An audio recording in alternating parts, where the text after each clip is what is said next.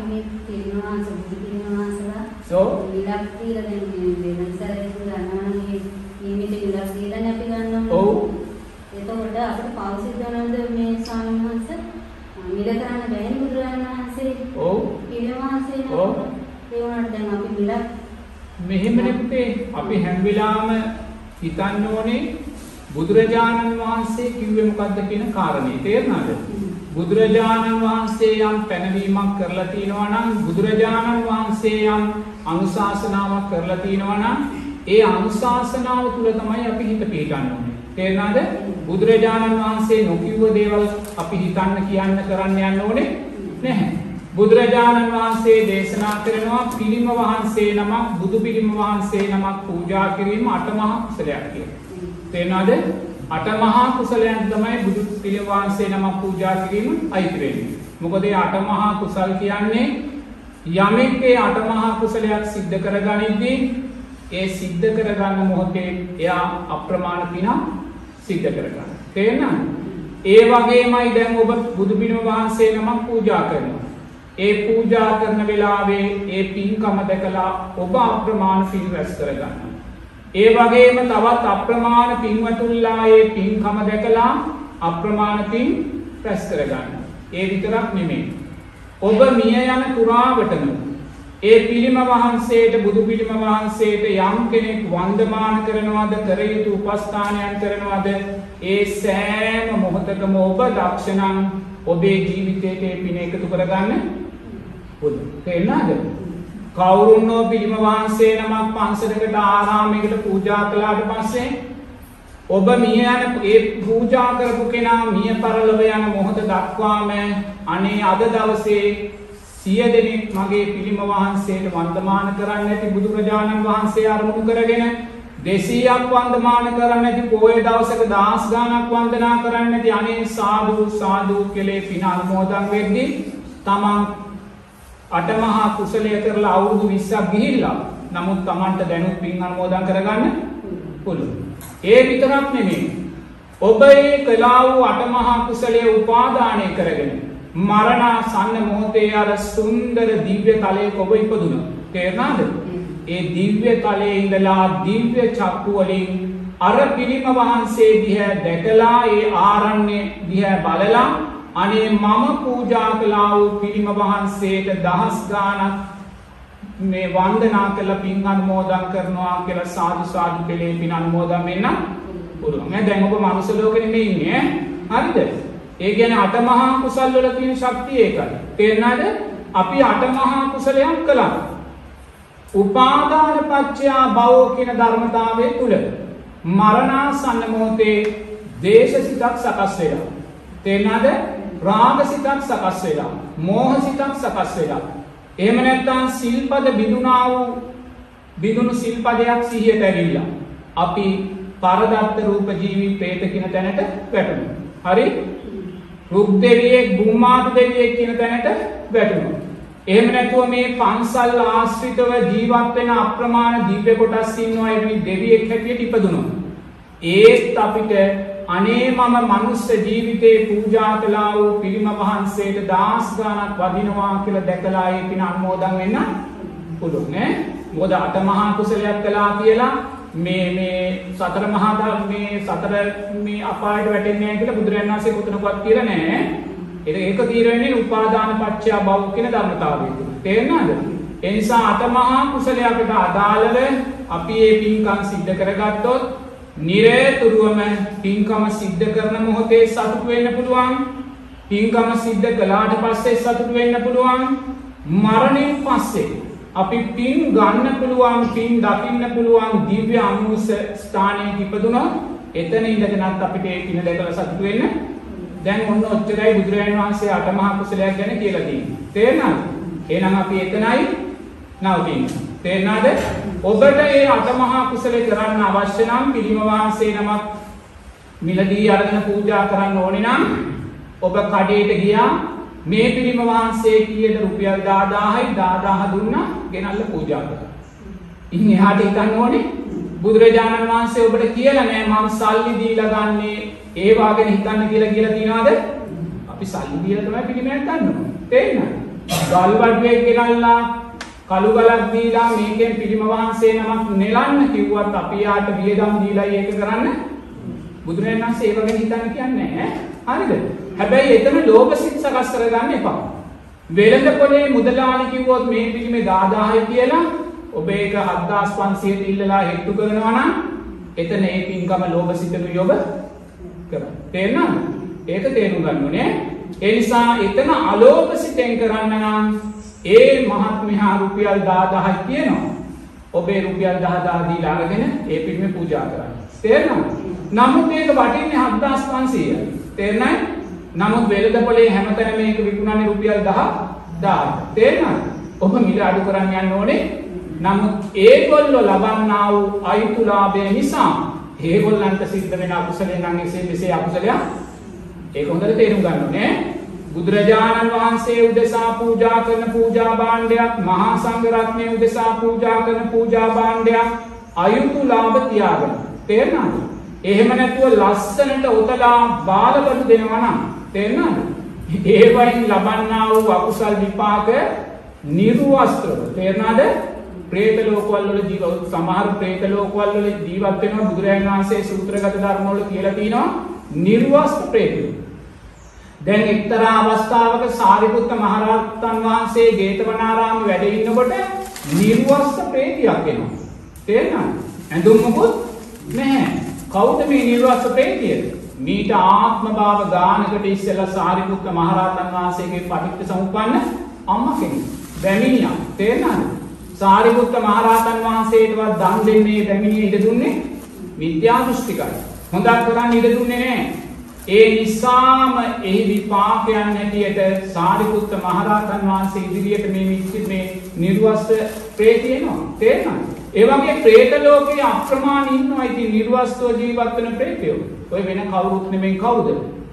බුදුරජාණන් වහන්සේට පූජා කරන මහා සංගරත්නයට පූජා කරන අට පිරිකරවේවා සිවුරු පිරිකරවේවා අදනවේවා මේ සෑම දෙයක්ම ලස්සනට ඕතල බාල බලු දෙනවනම් අයිතු ආකාරයෙන් ඒ වෙයි ලාභ ලබනවා නම් නෝනා ඒක අපි හිතන්න යන්න ඕනේ නැහැ. තේරෙනවද? බුදුරජාණන් වහන්සේ අපිට ඒවා හිතන්න කියලා ඒවා සංස්කාරයන්ටයි දේවල්. ඒවා අවිද්‍යාවටයි අවිද්‍යාවටයි දේ සංස්කාරයන්ටයි දේ අපි ඇඟිලි ගහන්න යන්න ඕනේ අපිට කියලා තියෙන බුදුරජාණන් වහන්සේ ඔබට අටමහා කුසලයක් කරන්න අවශ්‍ය නම් ඉන් එකක් තමයි බුදු පිළිම වහන්සේ නමක් පූජා කිරීම කඩේට ගිහිල්ලා අහන්න එක තැනක රුපියල් 10000යි තවත් තැනක අහන්න රුපියල් 10000යි ඔබේ පිළිම යන පූජා කරන එච්චරයි ඈ? ඉන් එහාට හිතලා නැති අකුසල ඇති කරගන්න එපා. තේරෙනවද බුදුරජාණන් වහන්සේ මේ හිතන්න කියන්නේ ඈ? හරි නේද? දැන් තවත් පද අහන්න තියෙන්නේ? කියන්නේ. සාමාන්‍යයෙන් අපි පින්කමක් කරන අවස්ථාවේදී පින්කම කරලා ඉන්නාට පස්සේ ඊට ප්‍රීතිය දිනනවා. ඔව්. තියෙන උනාට අපිට මොකක් හරි ප්‍රාර්ථනාවක් කරන්න වෙන්නේ නැහැ. ප්‍රාර්ථනා කරන්න ඒ අවස්ථාවේ මතක් වෙන්නේ. ආ, මතක් වෙන්නේ ඔව් ඒකට සාමාන්‍යයෙන් පින්කමේ මොකක් හරි මේ විපාකයේ අඩු වීමක් වෙනවාදී ප්‍රාර්ථනා කරන වෙලෙත් නෑ නෑ මාත් දැන් මාත්‍යා පින්කම කළා. තේරෙනවද? දැන් පින්කම කරා කියන්නේ ඉස්සෙල්ලාම හිතන්න ඕනේ පින්කම කියන කාරණය ආර්ය අෂ්ටාංගික මාර්ගයේ වැඩෙන ආකාරයේ සිද්ධ කරන්න ඕනේ. ඒතර ආර්ය අෂ්ටාංගික මාර්ගයේ පින්කම් කියන කාරණේ බුදුරජාණන් වහන්සේ පනවන්නේ සම්මා වායාමයන්ට. තේරෙනවද? සම්මා වායාමයන් කියන්නේ මොකද්ද? කරන්නා වූ කුසල් තව තව ශක්තිමත් කරන. නොකලා වූ කුසල් අපි අලුතෙන් කරන්න පටන් ගන්නවා.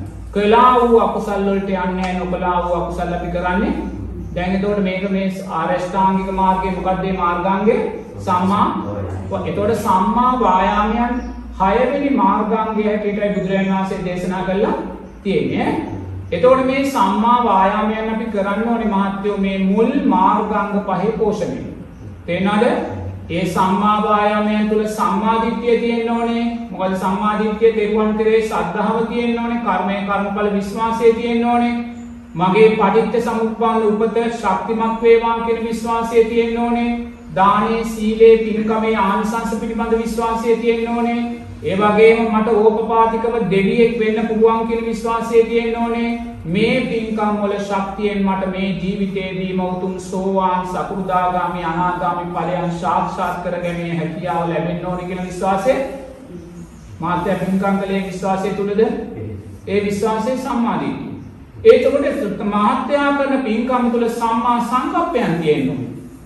තේරෙනවද? සම්මා සංකප්පයන් කියන අවිහිංසාව තියෙන්න ඕනේ, අව්‍යාපාදේ තියෙන්න ඕනේ, නෙක්ඛම්මේ අපි පින්කම් කරද්දි මහත්යෝ අපි මේ පින්කම් කරන්නේ තව කෙනෙක්ගේ හිත රිද්දලා නම්. තේරෙනවද? තවත් කෙනෙකුට අවස්ථාව නොදී නම්, තවත් කෙනෙකුගේ අවස්ථාව පැහැර හැරලා නම්. තේරෙනවද? එතන අවිහිංසාව තියනවද? අපි නිරේතුරුවම තව කෙනෙකුට හිංසාකාරීවයි කටයුතු කරලා තියෙන්නේ. තේරෙනවද? ඒ වගේම අව්‍යාපාදය කේන්ති ගන්න බැහැ. තේරෙනවද? නිරේතුරුවම මෛත්‍රී සිතින්ම මෙත් සිතින්මයි කරන්න. ඒ වගේමයි නෙක්ඛම්මේ තියෙන්න ඕනේ. නෙක්ඛම්මේ කියන්නේ මොකද? අතහැරීම. තේරෙනවද? අලෝභ සිතෙන්මයි ඒක කරන්න ඕනේ. අපි හැම වෙලාවෙම පින්කම් පින්කමක් කරන්නේ අලෝභ සිතෙන්ද? ඈ? අලෝභ සිතෙන්ද? නැහැ මොකක් හරි ලෝභ සිතක් තියෙනවා දෙවියෙක් වේවා මගේ අධ්‍යාපනය දියුණු වේවා මගේ රැකියාව දියුණු වේවා මගේ ව්‍යාපාරය දියුණු වේවා මගේ ආයුෂ වර්ණය සැපේ බලය දියුණු වේවා. ලෝභ සිතක්ද අලෝභ සිතක්ද? ලෝභ සිතක්. තේරෙනවද නමුත් ඒ සිත තියෙන්න ඕනේ. තේරෙනවද පින්කමක් කරලා මගේ ආයුෂ වර්ණය සැපේ බලය ලැබේවා කියන ප්‍රාර්ථනාව චිත්තේ තියෙන්න ඕනේ. නමුත් මේ මොහොතේ මේ චිත්තය අනිත්‍යයි කියලා දකින්න දක්ෂ වෙන්න. තේරෙනවද? එතකොට අපි ආවිෂ වර්ණයේ සැපේ බලය ප්‍රාර්ථනා කරන්නේ මේක නිට්ටය වූ ස්ථීර වූ නිසා නෙමෙයි. අපි ආරෂ්ඨාංගික මාර්ග අපි ආයුෂ වර්ණයේ සැපේ බලය ප්‍රාර්ථනා කරන්නේ මොකටද? තව තව ආරෂ්ඨාංගික මාර්ගයේ තුල ශක්තිය වැඩි කරගන්න. තේරෙනවද? අපේ ආයුෂ වර්ණයේ සැපේ බලය දුර්වල වුණොත්, හීන වුණොත් අපිට ආරෂ්ඨාංගික මාර්ග මාර්ගය පූර්ණය කරගන්න පුළුවන්ද? පන්සලකට යන්න පුළුවන්ද? සිල් සමාදන් වෙන්න පුළුවන්ද? ඒ මොකක්වත් අපිට කරන්න ඒ නිසා අපි පින්කමක් සිද්ධ කරද්දී ආයුෂ වර්ණයේ සැපේ බලය අපි ලබන්න ඕනේ ප්‍රාර්ථනා කරන්න ඕනේ. නමුත් ඒක නිත්‍ය සංඥාවෙන් නෙමෙයි. තේරෙනවද? මේ ආයුෂ වර්ණයේ සැපේ බලය මේ පින්කම තුලින් මේ දානමය පින්කම තුලින් මේ සීලමය පින්කම් තුලින් මට ආයුෂ වර්ණය සැපේ බලය ලැබේවා. මේ උතුම් මාර්ගස්ථාංගික මාර්ගය තුළ තව තව ශක්තිමත්ව ගමන් කරන්න. ගමන් කරලා මට මේ ජීවිතයේ උතුම් සෝවාන් ඵලය සාක්ෂාත් කරගන්න කියන තැන්දි මහත්තයෝ එතන ලෝභ සිතක් නෙමෙයි අලෝභය උදෙසා ඇති කරගත්තා වූ ලෝභ සිතක් ඈ. තේරෙනවද අලෝභය උදෙසා ඇති කරගත්තා වූ ලෝභ සිතක්. නිවන උදෙසා ඇති කරගත්තා වූ කැමැත්තක් ඡන්දයක් බවට ඒක පත් වෙන්නේ. දැන් පින්කම් කරන හැටි මම මේ කිව්වේ සම්මා දිට්ඨිය තියෙන්න ඕනේ ඒකේ සම්මා සංකප්ප තියෙන්න ඕනේ. අපි කාවවත් හිත රිද්දගෙන නම් තේරෙනවද දැන් එහෙම දේවල් සිද්ධ වෙනවා. අනුන්ගේ මල් වට්ටිය අපි පූජා කරනවා. අපේ මල් වට්ටිය අත ගන්න කිව්වට අපි දෙන්නේ නැහැ. තේරෙනවද තව කෙනෙක්ට තියෙන අවස්ථාව අපි ගන්නවා. එහෙම කරලා පින්කම් වලින් කවදාකවත් සම්මා සංකප්ප වැඩෙන්නේ නැහැ. මෙත්සිතෙන්මයි කරන්න ඕනේ. තේරෙනවද? ඒ මෙත්සිත තුල අපි දක්ෂ වෙන්න නිරතුරුවම අපි පූජා කරන දේ තව කෙනෙකුට දීලා වූ ඒ තුලින් අපේ ශක්තිය තව තව වැඩි කර ගන්න. ඒ සම්මා සංකප්පයන් පස්සේ මහත්වෝ අපි සම්මා වාචා කම්මන්තෝ ආජීවයන් වැඩෙන්න ඕනේ. ඒ කියන්නේ ආජීව අට්ටමක සීලේ ආරක්ෂාව අපිට තියෙන්න ඕනේ. ආජීව අට්ටමක සීලය. මොකද ආජීව අට්ටමක සීලය වැඩුණ නැත්නම් ආරියෂ්ඨාංගික මාර්ගයේ වැඩිමක් වෙන්නේ නැහැ. බුදුරජාණන් වහන්සේ පස්වෙනි මාර්ගාංගයට පනවන්නේ සම්මා ආජීවය. තේරෙනවද? ඒතකොට සම්මා ආජීවය නම් යා මත් වතුර වෙලඳන් කරන්න නැති වෙන්න ඕනේ, වසවිස වෙලඳන් කරන්න නැති වෙන්න ඕනේ, වෙඩි බෙහෙත් තුවක්කු සත්තුන් වෙලඳාම එතනින් ගියාම මස් මාංශ වෙලඳාම නොකරන කෙනෙක් වෙන්න ඕනේ. ඒ සම්මා ආජීවයන් තුලින් තමයි මාත්‍යෝ සම්මා වායාමයන් ශක්තිමත් වෙන්නේ. තේරෙනවද? එතකොට මහත්යන් සම්මා වායාමයන් සිද්ධ කරලා ආර්ය අෂ්ටාංගික මාර්ගයේ ශක්තිමත් කරගෙන සම්මා වායාමයන් සිද්ධ කරලා මහත්යා ප්‍රාර්ථනාවක් ඇති කරගන්න. තේරෙනවද? බුදුරජාණන් වහන්සේ කියන ප්‍රාර්ථනාවක් ඇති කරගන්න කියලා අපිට එක පාඩම මාත්‍යෝ සෝවාන් සකෘදාගාමි අනාගාමි ඵලයට යන්න බෑනේ නේද?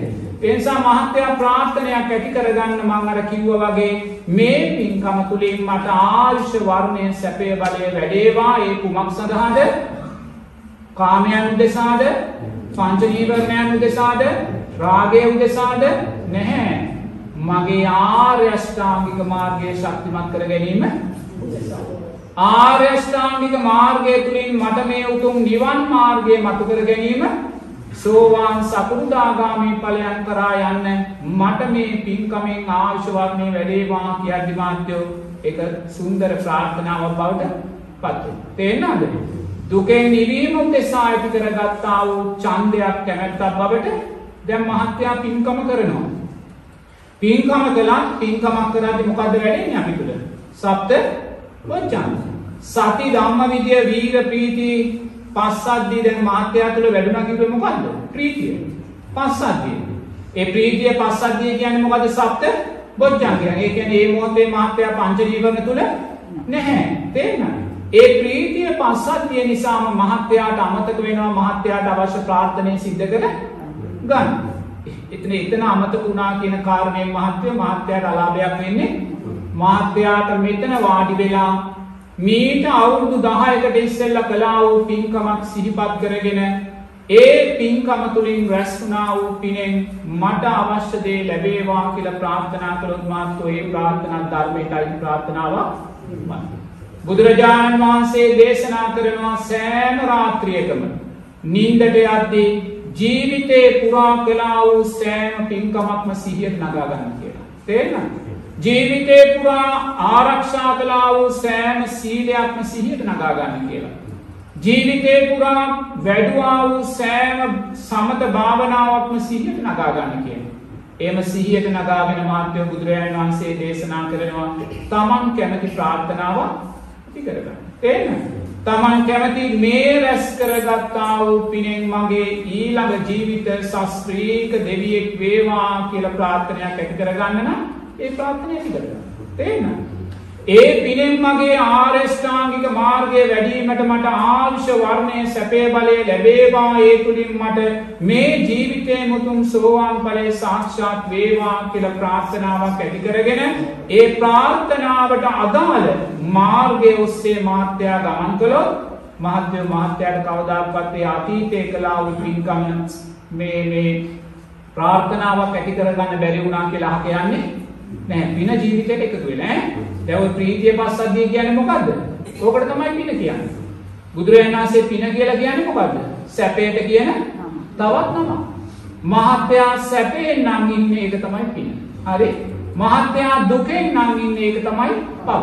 තේරෙනවද? ඒසා මහත්යා පින්කම කරත් කරලා ඉවරනාට පස්සේ මහත්මයාම කිව්වා මහත්යා ප්‍රීතිය නිසා ප්‍රාර්ථනා කර ඇති කරගන්න අමතකුණා කියලා. ඒ කියන්නේ මහත්යා ඒක තමයි පිනේ ආස්වාදය කියන්නේ. ඒ නිසා පින මහත්යට ලැබිලා තියෙන ප්‍රාර්ථනා කළා නැති වුණත් ඈ. ඒ නිසා එවලේ ප්‍රාර්ථනා කරන්න බැරි වුණා කියලා ප්‍රශ්නයක් මතුවෙන්නේ නැහැ. අතීතයේ කළා වූ සෑම මොහොතකම මරණාසන්න මොහොතේ දක්වාම අතීතයේ කළා වූ සෑම පින්කමක්ම සිහියට නගා ගන්න ඒ පින් අමතක වෙන්න දෙන්න එපා. තේරෙනවද? ඒ පින්කම් සිහියට නගාගෙන සෑම මොහොතකම හිතන්න මේ රැස් කරගත්තා වූ සෑම සංස්කාරයක්ම අනිත්‍යයි කියලා. ඒක තමයි අර්ථවත්ම පින්කම ඈ. අර්ථවත්ම පින්කම ඈ. එතකොට සෑම රාත්‍රියකම එහෙම පුහුණු වුණොත් හැම රාත්‍රියකම පුහුණු වෙනවා. ජීවිතේ කළා වූ හැම පින්කමක්ම සිහිපත් කරගෙන අනේ මේ කොච්චර සුන්දර පින්කම් කළත් ඒ සෑම සංස්කාරයක්ම වෙනස් වෙලා කවුද වැඩියම පින්කම් කළේ? මේ සම්මා සම්බුද්ධ ශාසනය. ඈ? ලෝතුරා බුදුරජාණන් වහන්සේ බෝධිසත්වයින් හැටියට. බෝධිසත්වයින් හැටියට දස පාරමී ධර්මයන් පිරුවා. මහා සාගරයේ ජලයට වඩා රුධිරය දන් දුන්නා. මහා පොළවේ පස් වලට වඩා ශරීර මාංශ දන් දුන්නා. ඒසා අප්‍රමාණ දානමය සීලමය මෛත්‍රියම පින්කම් සිද්ධ කරපු බෝධිසත්වයාණන් වහන්සේ මේ උතුම් සම්මා සම්බුද්ධ රාජ්‍ය අවබෝධ කරලා පිරිනිවී යන මොහොතේ සියලු සංස්කාරයන්ට මොකක්ද උනේ? වෙනස් වෙලා වෙනස් වෙලා ගියා. ඒකම සංස්කාරයක්වත් අයිති නැහැ.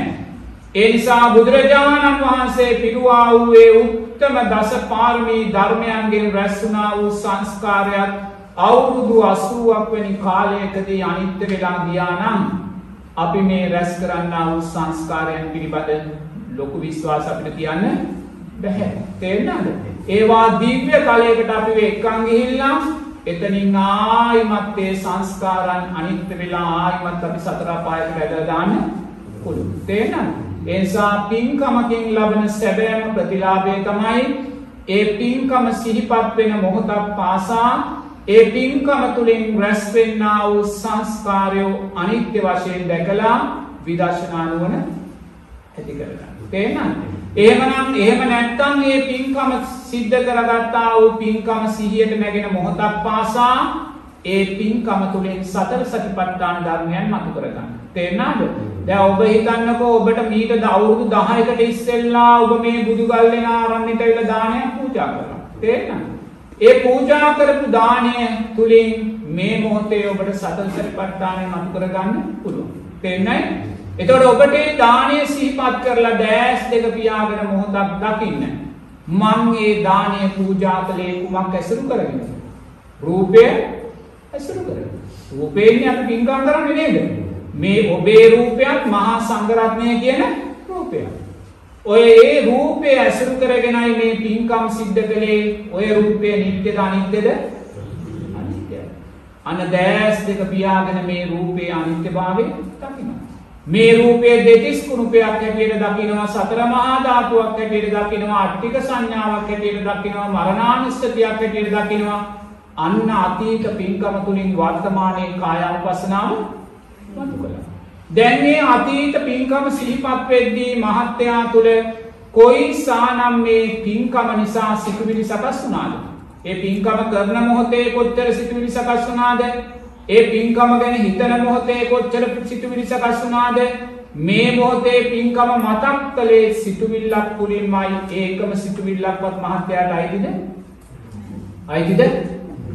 අයිති නැහැ. ඒ සෑම සිතුවිල්ලක්ම අනිත්‍යභාවයට පත් වෙලා තියෙනවා. නේද? එහෙනම් මේ අනිත්‍යභාවයේ සෑම සිතුවිල්ලකම අනිත්‍යභාවය දකින මොහොතේ මහත්යා ඉන්නේ කොතනද චිත්තානුපස්සනාව තුල. තේරෙනවද? එතකොට මේ පින්කම නිසා මහත්යා තුල යම් සැප වේදනාවක් ඇති වුණා නම් දුක් වේදනාවක් ඇති වුණා නම් ඒ සැප දුක් වේදනා නිට්ටයද අනිත්‍යද? අනිත්‍යයි. පින්කම කරපු වෙලාවේ කොච්චර සැප වේදනා ඇති වෙන්නේ නැද්ද? පින්කම කරපු වෙලාවේ කොයිසා උපේක්ෂා විඳින්න ඇති වෙන්නේ නැද්ද? මහත්යා අකමැති දෙයක් සිද්ධ වෙද්දි කොච්චර දුක් වේදනා ඇති වෙන්නේ නැද්ද? ඒ සෑම විඳීමක්ම අනිත්‍යභාවයට මොහොතක්ගේ විඳීම් වල අනිත්‍යභාවය දකිති මහත්යා ඉන්නේ කොතනද? වේදනානුපස්සනාව තුල. දැස් දෙක පියාගෙන දකිති දෙයනේ ඒ පින්කම තුලින් රැස් වුණා වූ යම් සංස්කාරයක් වේද ඒ සෑම සංස්කාරයක්ම වෙනස් වෙලා ගියා වෙනස් වෙලා යනවා කියලා දකිති මහත්යා ඉන්නේ කොතනද? ධම්මානුපස්සනාව. එනම් මාත්‍යෝ මීට අවුරුදු 10කට ඉස්සෙල්ලා කළා වූ පින්කම මේ මොහොතේ සිහියට නගාගෙන ඒ පින්කම තුලින් මහත්යාට සතර සතිපට්ඨාන ධර්මයන් මතු කරන්න පුළුවන්ද බැරිද? එනකොට ඔය කැමැති පැත්තකින් යන්න පුළුවන් ඈ. නිවන් මාර්ගයට යන්න ඕනේ නම් සෝවාන් සකෘදාගාමී පැත්තට යන්න ඕන නම් එහෙම යන්න පුළුවන් ওই විදර්ශනා පැත්තෙන්. එහෙම නැත්නම් පින්කම් සිහිපත් කරලා නිරේතුරු අර දේවතාංශතිය පුහුණු වුණොත් මාත්‍යාට දිග්ගතල වලට යන්න පුළුවන් ඈ. ඉතින් ඒ නිසා මහත්යාට කැමති ආකාරයෙන් ඒ කටයුත්ත සිද්ධ වෙන්න පුළුවන්. හරි නේද? තව මොකද්ද දැන් අහන්න තියෙන්නේ? කියන්න. ඔව්. අපි දැන් භාවනා වඩනවා සමතදිස් භාවනාව වගේ. ඔව්. අනුව භාවනා වඩන්නේ නැතුව කෙනෙක් චුතිසිත ඇතුව මරණයට පත් වුණොත් කෙනෙක් ඊළඟ භාවනාවේ චිත්තය කොහොමද සකස් වෙන්නේ කියලා අපි කාමදුරනේ පැහැදිලි මොකක් චුතිසිත මොනවා වුණොත්ද? දැන් භාවනා කරන කෙනෙකුට ඔව්. ඒ නැතුව කෙනෙකුත් මරණයට පත් වුණාම ඔව්. පස්සේ ඊළඟට චුතිසිත අනුව උපදිනවා. ඔව්. ඒ අනුව කොහොමද අපේ හාමුදුරනේ ඊළඟ උප්පත්තියක් කරා යන්නේ කියන්නේ? මෙහෙමයි නෝන භාවනා කළා කියන කාරණෙන් හෝ භාවනා නොකළා කියන කාරණෙන් නෙමෙයි ඒක තීරණය වෙන්නේ. කෙනෙක් කොච්චර භාවනා කළත් මරණාසන්න මොහොතේ යාට සිහිපත් උනේ නෝනා ලෝභ සිතක් නම්, ද්වේෂ සිතක් නම්, මෝහ සිතක් නම් ඒ භාවනාවෙන් ප්‍රතිඵලයක් වෙන්නේ නැහැ. තේරුණාද? අපි මොකද අපි අපි හැමෝම භාවනා කරද්දී ඒ භාවනාව ආරෂ්ඨාංගික මාර්ගයෙන් පෝෂණය කරගන්නේ නැහැ. හොඳේ? දැන් සමහර පින්වතුන්ලා ඉන්නවා පැය පහක් කෙරමිනිය ගොතාගෙන එක එල්ලේ ඉන්නවා. තේරුණාද? අන්න හෙල්ලෙන්නේවත් නැහැ. තේරුණාද? නමුත් භාවනාවෙන් බැහැර වෙලා පැයක් දෙකක් ගියාට පස්සේ කවුරු හරි මොකක් හරි වැරද්දක් කළොත් එයා කේන්ති එයාගේ භාවනාව ආරෂ්ඨාංගික මාර්ගයෙන් පෝෂණය වුණාද? එයාගේ භාවනාව ආරෂ්ඨාංගික මාර්ගය එයාගේ භාවනාව ආරෂ්ඨාංගික මාර්ගයේ සම්මා සංකප්පෙන් පෝෂණය වුණේ නැත්නම් සම්මා දිට්ඨිය එතන තියනවාද? එයා බුදුරජාණන් වහන්සේට කීකරු වෙච්ච කෙනෙක්ද? නමුත් පැය පහක් භාවනා කරනවා ඈ. එහෙම භාවනා කරලා මරණාසන්න මොහොතේ එයාට මොකක් හරි දුක් වේදනාවක් ඇති වුණොත් එයා ගැටිලා නෙමෙයිද නැති වෙන්නේ? ගැටෙන සිතෙන් නැති වෙන්න පුළුවන්. මොකද එයා ආර්ය ශ්‍රාමික මාර්ගයේ සම්මා සංකප්ප සම්මා දිට්ඨීන් හරියාකාරව පුහුණු කළේ නැහැ. තේරෙනවද? ඒ නිසා මරණාසන්න මොහොත තීන්දුව වෙන්නේ නෝනා භාවනා කළාසා නොකළා කියන කාරණේ මත නෙමෙයි ඈ. මරණාසන්න මොහොත තීන්දුව වෙන්නේ තෘෂ්ණා පත්‍ය උපාදානං උපාදාන පත්‍ය භව භව පත්‍ය ඔතනයි තීරණය වෙන්නේ ඈ. දැන් ආසිතිසි දාණය පූජා කරේ මල්ලිකා මිසර. තේරෙනවද? බුදුරජාණන් වහන්සේ ඇතුළු රහතන් වහන්සේලා 500ක් ශාසනයට එක්කනයි පූජා කරන්නේ දෙන්නෙකුට ඒක කරන්න. ඒක ප්‍රාර්ථනා කරගෙන ඉන පූජාව. ඒ ආසිතිසි දාණය පූජා කළත් මල්ලිකා විසව මරණාසන්න මොහොතේ සීපත් වුණ සිල්පද බිඳීමක් නිසා සතියකට තිරිසන් ජීවිතයකටයි වැටෙන්නේ. තේරෙනවද? ඒ වැටෙන්නේ කොහොමද? තුෂ්ණා පච්චයා උපාදානං උපාදාන පච්චයා භව භව පච්චයා එතකොට අපි තෘෂ්ණාව නිසා මරණාසන්න මොහොතේ අපි තෘෂ්ණාව නිසා මොකද්ද සකස් වෙන්නේ? උපාදාන. රූප වේදනා සංඥා සංකාර විඥානයන් කෙරෙහි තියෙන තෘෂ්ණාව නිසා අපි තුල සකස් වෙන්නේ පටිච්ච සමුප්පන්න උපාදානය කියන්නේ මොකද්ද? බැඳියාම. බැඳියාම කියන්නේ මොකද්ද? කාම බැඳියාම අන්න සීලබුත බැඳීයාම් දිට්ටි බැඳීයාම් මේ වගේ එක එක දෘෂ්ටීන් වලට බැඳිලා යනවා. අන්න සීලබුතයන්ට බැඳිලා යනවා කාම බැඳීමකට. දැන් අපි මරණාසන්න මොහොතේ අපි සුන්දර දෙවියෙක් සිහිපත් කරගත්තා නම් ඒක කුමන උපාදානයක්ද? කාම දැන් මෙතන ඉන්න අපි හැම කෙනෙක්ම මේ මනුස්ස ලෝකෙ ඉපදිලා තියෙන්නේ. මේ මනුස්ස ලෝකයේ අයිති මොකටද කාම. භවය එතකොට මේ මනුස්ස ලෝකේ ඉපදුන අපි අපි හිතමු ගිය ජීවිතේ අපි ඔක්කොම මිනිස්සයෝ කියලා. ඒ මිනිස්සය වෙලා ඉපදිනා. මරණාසන්න මොහොතේ තෘෂ්ණාව නිසා ඇති වුණා උපාදානය කුමක්ද? කාම උපාදාන. මේ ඇස පිනවන සත්වයින් අපි අතර අපි ඉපදුනා. කනනාසය දිව ශරීරයේ මනස පිනවන සත්වයින් අපට අතර අපි ඒක කාම උපාදානයන්ටයි අයිති වෙන්නේ. තේරුණාද? එනිසා භාවනා කළා භාවනා නොකළා කියන කාරණේ නෙමේ මරණාසන්න මොහොතේ නිරේතුරුවම තෘෂ්ණා පච්චයා උපාදානං උපාදාන පච්චයා භව භව පච්චයා ජාති කියන ධර්මතාවයෙන් තුලයි උපත සිද්ධ වෙන්නේ. අපි භාවනා කරනවා. භාවනා කළත් නිරේතුරුවම භාවනාවේ ආස්වාදයට යටවෙනවා. දැන් අතීතයේ ස්වාමීන් වහන්සේ නමක් හිටියා බුදුරජාණන් වහන්සේ කාලේ. එයා හොඳින් අසුබය වැඩුවා. තේරෙනවද? එයා නිරේතුරුම පිළිකුල් භාවනාව තමයි කළේ. පින් හොඳට සීලය ආරක්ෂා කළා. පිළිකුල් භාවනාව කළා අසුබේ වැඩුවා. එයා අසුබේ වඩලා රාත්‍රියේ අපවත් වෙනවා. අපවත් වුණා මොකද්ද වෙන්නේ නැති කියලා කියන්නකෝ. හොඳින් පිළිකුල් භාවනා පුහුණු කළා. හොඳින් අසුබ භාවනා පුහුණු කළා. සීලයත් හොඳින් ශක්තිමත්. එයා අපවත් වෙනවා උන්වහන්සේ කොහෙද උපදින්නේ නැති කියලා කියන්නකෝ. කතා කරන්නේ? ඈ? රාග්භාවයෙන් පත් වෙන. දැන් තව කෙනෙක් කියන්නකෝ. සුගතියක ඉපදෙන්නේ දැන් මේ ස්වාමින් වහන්සේ අපවත් වෙනවා. ගිහිල්ලා උපදින්නේ කොහෙද? අර සස්ත්‍රීක දිව්‍ය තලයක දෙවියෙක් වෙලා ඉපදිනවා තේරෙනවද? දැන් ඇත්තටම මේ මහත්තයා සෝවාන් වුණා රහත් වුණා කියලා හිතන එක සාධාරණයි. මොකද මුන්දින් භාවනා කරන්නේ නේද? එතකොට එයා ගිහිල්ලා කොහෙද ඉපදුනේ? සස්ත්‍රීක සස්ත්‍රීක දිව්‍ය තලයක දෙවියෙක් වෙලා ඉපදුනා මෙයාගේ අර සීලේ ශක්තිය නිසාම දිව්‍යාංගනාව සිය ගාණක් වට කරගෙන තමයි ආ ඉපදිලා ඉන්නේ. යාගේ පිනටම දිව්‍යාංගනාව සිය ගාණක් මතු වෙලා දිව්‍ය ආසන දිව්‍ය ඕ සියලුම දේන් පරිපූර්ණ දෙවියෙක්. එයාට එක පාට චුතුපප పూర్වේ නිවාසානුස්සති ඥානය මතු වෙලා යා දකිනවා දෙයියනේ මේ මොකද්ද මේ වෙලා තියෙන්නේ? මං අසුපිය වැඩුවේ මං පිළිකුල වැඩුවේ මං ලස්සන කාන්තාවක් දැක්කම මං මරණානුස්සතියෙන්මයි දැක්කේ අසුපෙන්මයි දැක්කේ මට මොකද්ද මේ වෙලා තියෙන්නේ කියලා එයා බලවත් ආකාරයෙන් චිත්ත පීඩාවට පත් වුණා. තේරෙනවද? මොකද එයාට పూర్ව නිවාස විඥානය තියෙනවා. එයා පෙර ජීවිතේ වැඩුවද එයාට සිහිපත් වුණා. එයා එර්තිමත් දෙවියෙක්. එයා එර්තියෙන්ම බුදුරජාණන් වහන්සේ ළඟට යනවා.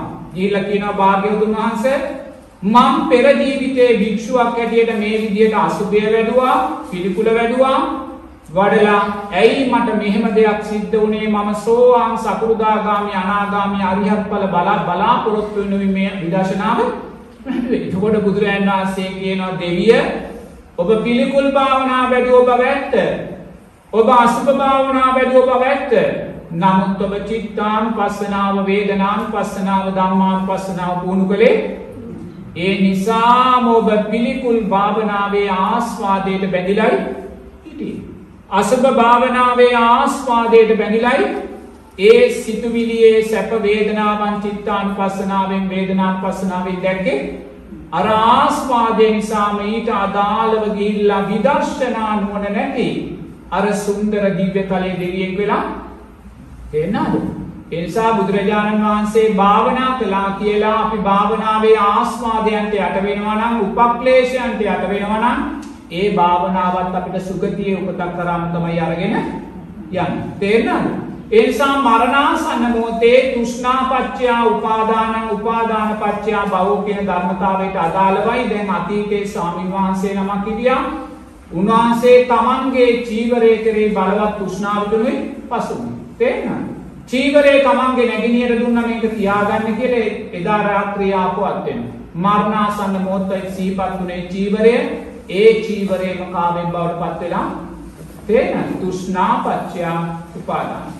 ඒ නිසා අපි යමක් කෙරෙහිද තෘෂ්ණාව තියෙන. අපි දරුවන් කෙරෙහි තෘෂ්ණාවෙන් ඉන්නවා නම්, ගෙවල් දොරවල් කෙරෙහි තෘෂ්ණාවෙන් ඉන්නවා නම්, යාන වාහන කෙරෙහි තෘෂ්ණාවෙන් ඉන්නවා නම්, මිල මුදල් කෙරෙහි තෘෂ්ණාවෙන් ඉන්නවා නම්, මරණාසන්න මොහොතේ අපිට දරුවන් උපාදානය වුණොත් ඒ ගෙදරම අපි පරදත්ත රූප ජීවී ප්‍රේතෙක් ප්‍රේතියක් වෙලා උපත්තිය ලැබෙනවා. හරි?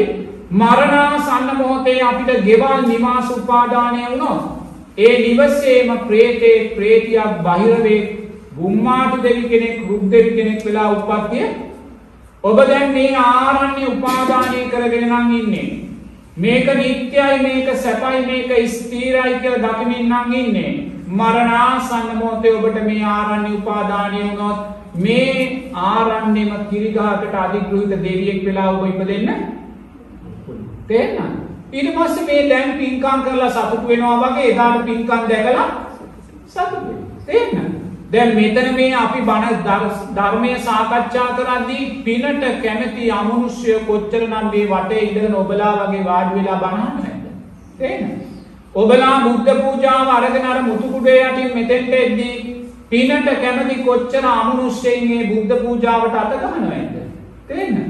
ඇයි ඒ ඒගොල්ලෝ මරණාසන්න මොහොතේ ඒ ඒ දේවල් උපාදානය කර ගත්තා. තේරෙනවද? ඒ නිසා නිරේතුරුවම බුදුරජාණන් වහන්සේ දේශනා කරනවා අපි ඇසුරු කරන අපි වඩාත් කැමති කරන රුචි කරන සෑම දෙයක්ම විදර්ශනානුවනින් දැකලා ඒවා කරේ තියෙන තෘෂ්ණාව සියුම් කර. ඒවෙන් ඈත් වෙන්න නෙමෙයි ඈ.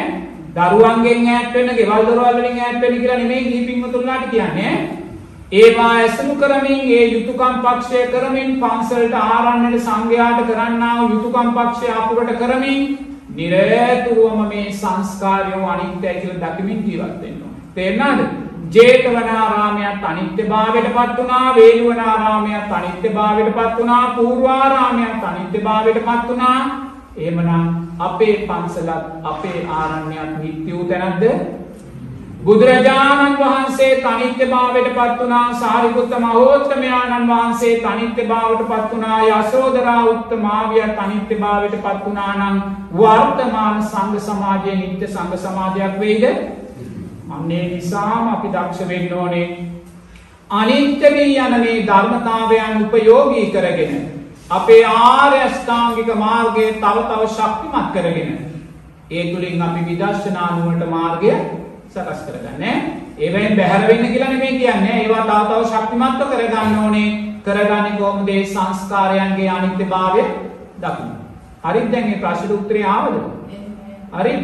මරණා මරණ සිද්ධ වෙන්නේ පුතේ සිල් රැක්කා කියලා දන් දුන්නා කියලා භාවනා කළා කියන කාරණේ නෙමෙයි මරණය සිද්ධ වෙන්නේ. මරණය තුසිත. තුසිත සකස් වෙන්නේ තෘෂ්ණා පත්‍ය උපාදානං උපාදාන පත්‍ය භව භව පත්‍ය ජාති. තේරෙනවද ඒ නිසා මරණාසන්න මොහොතේ අපි කැමති කේන්ති ගන්න නම් දැන් සමහරු ඉන්නවනේ ඒගොල්ලෝ කැමතිම කේන්ති ගන්න පොඩ්ඩ වැරදුන එක මම ඒගොල්ලෝ කේන්ති ගන්න එතකොට මරණාසන්න මොහොතේ යාට එකපාරට කපුව හිර වෙනවා. හිර වෙන වෙලාව මේ වේදනාව නිසා යා මොකද කරන්නේ?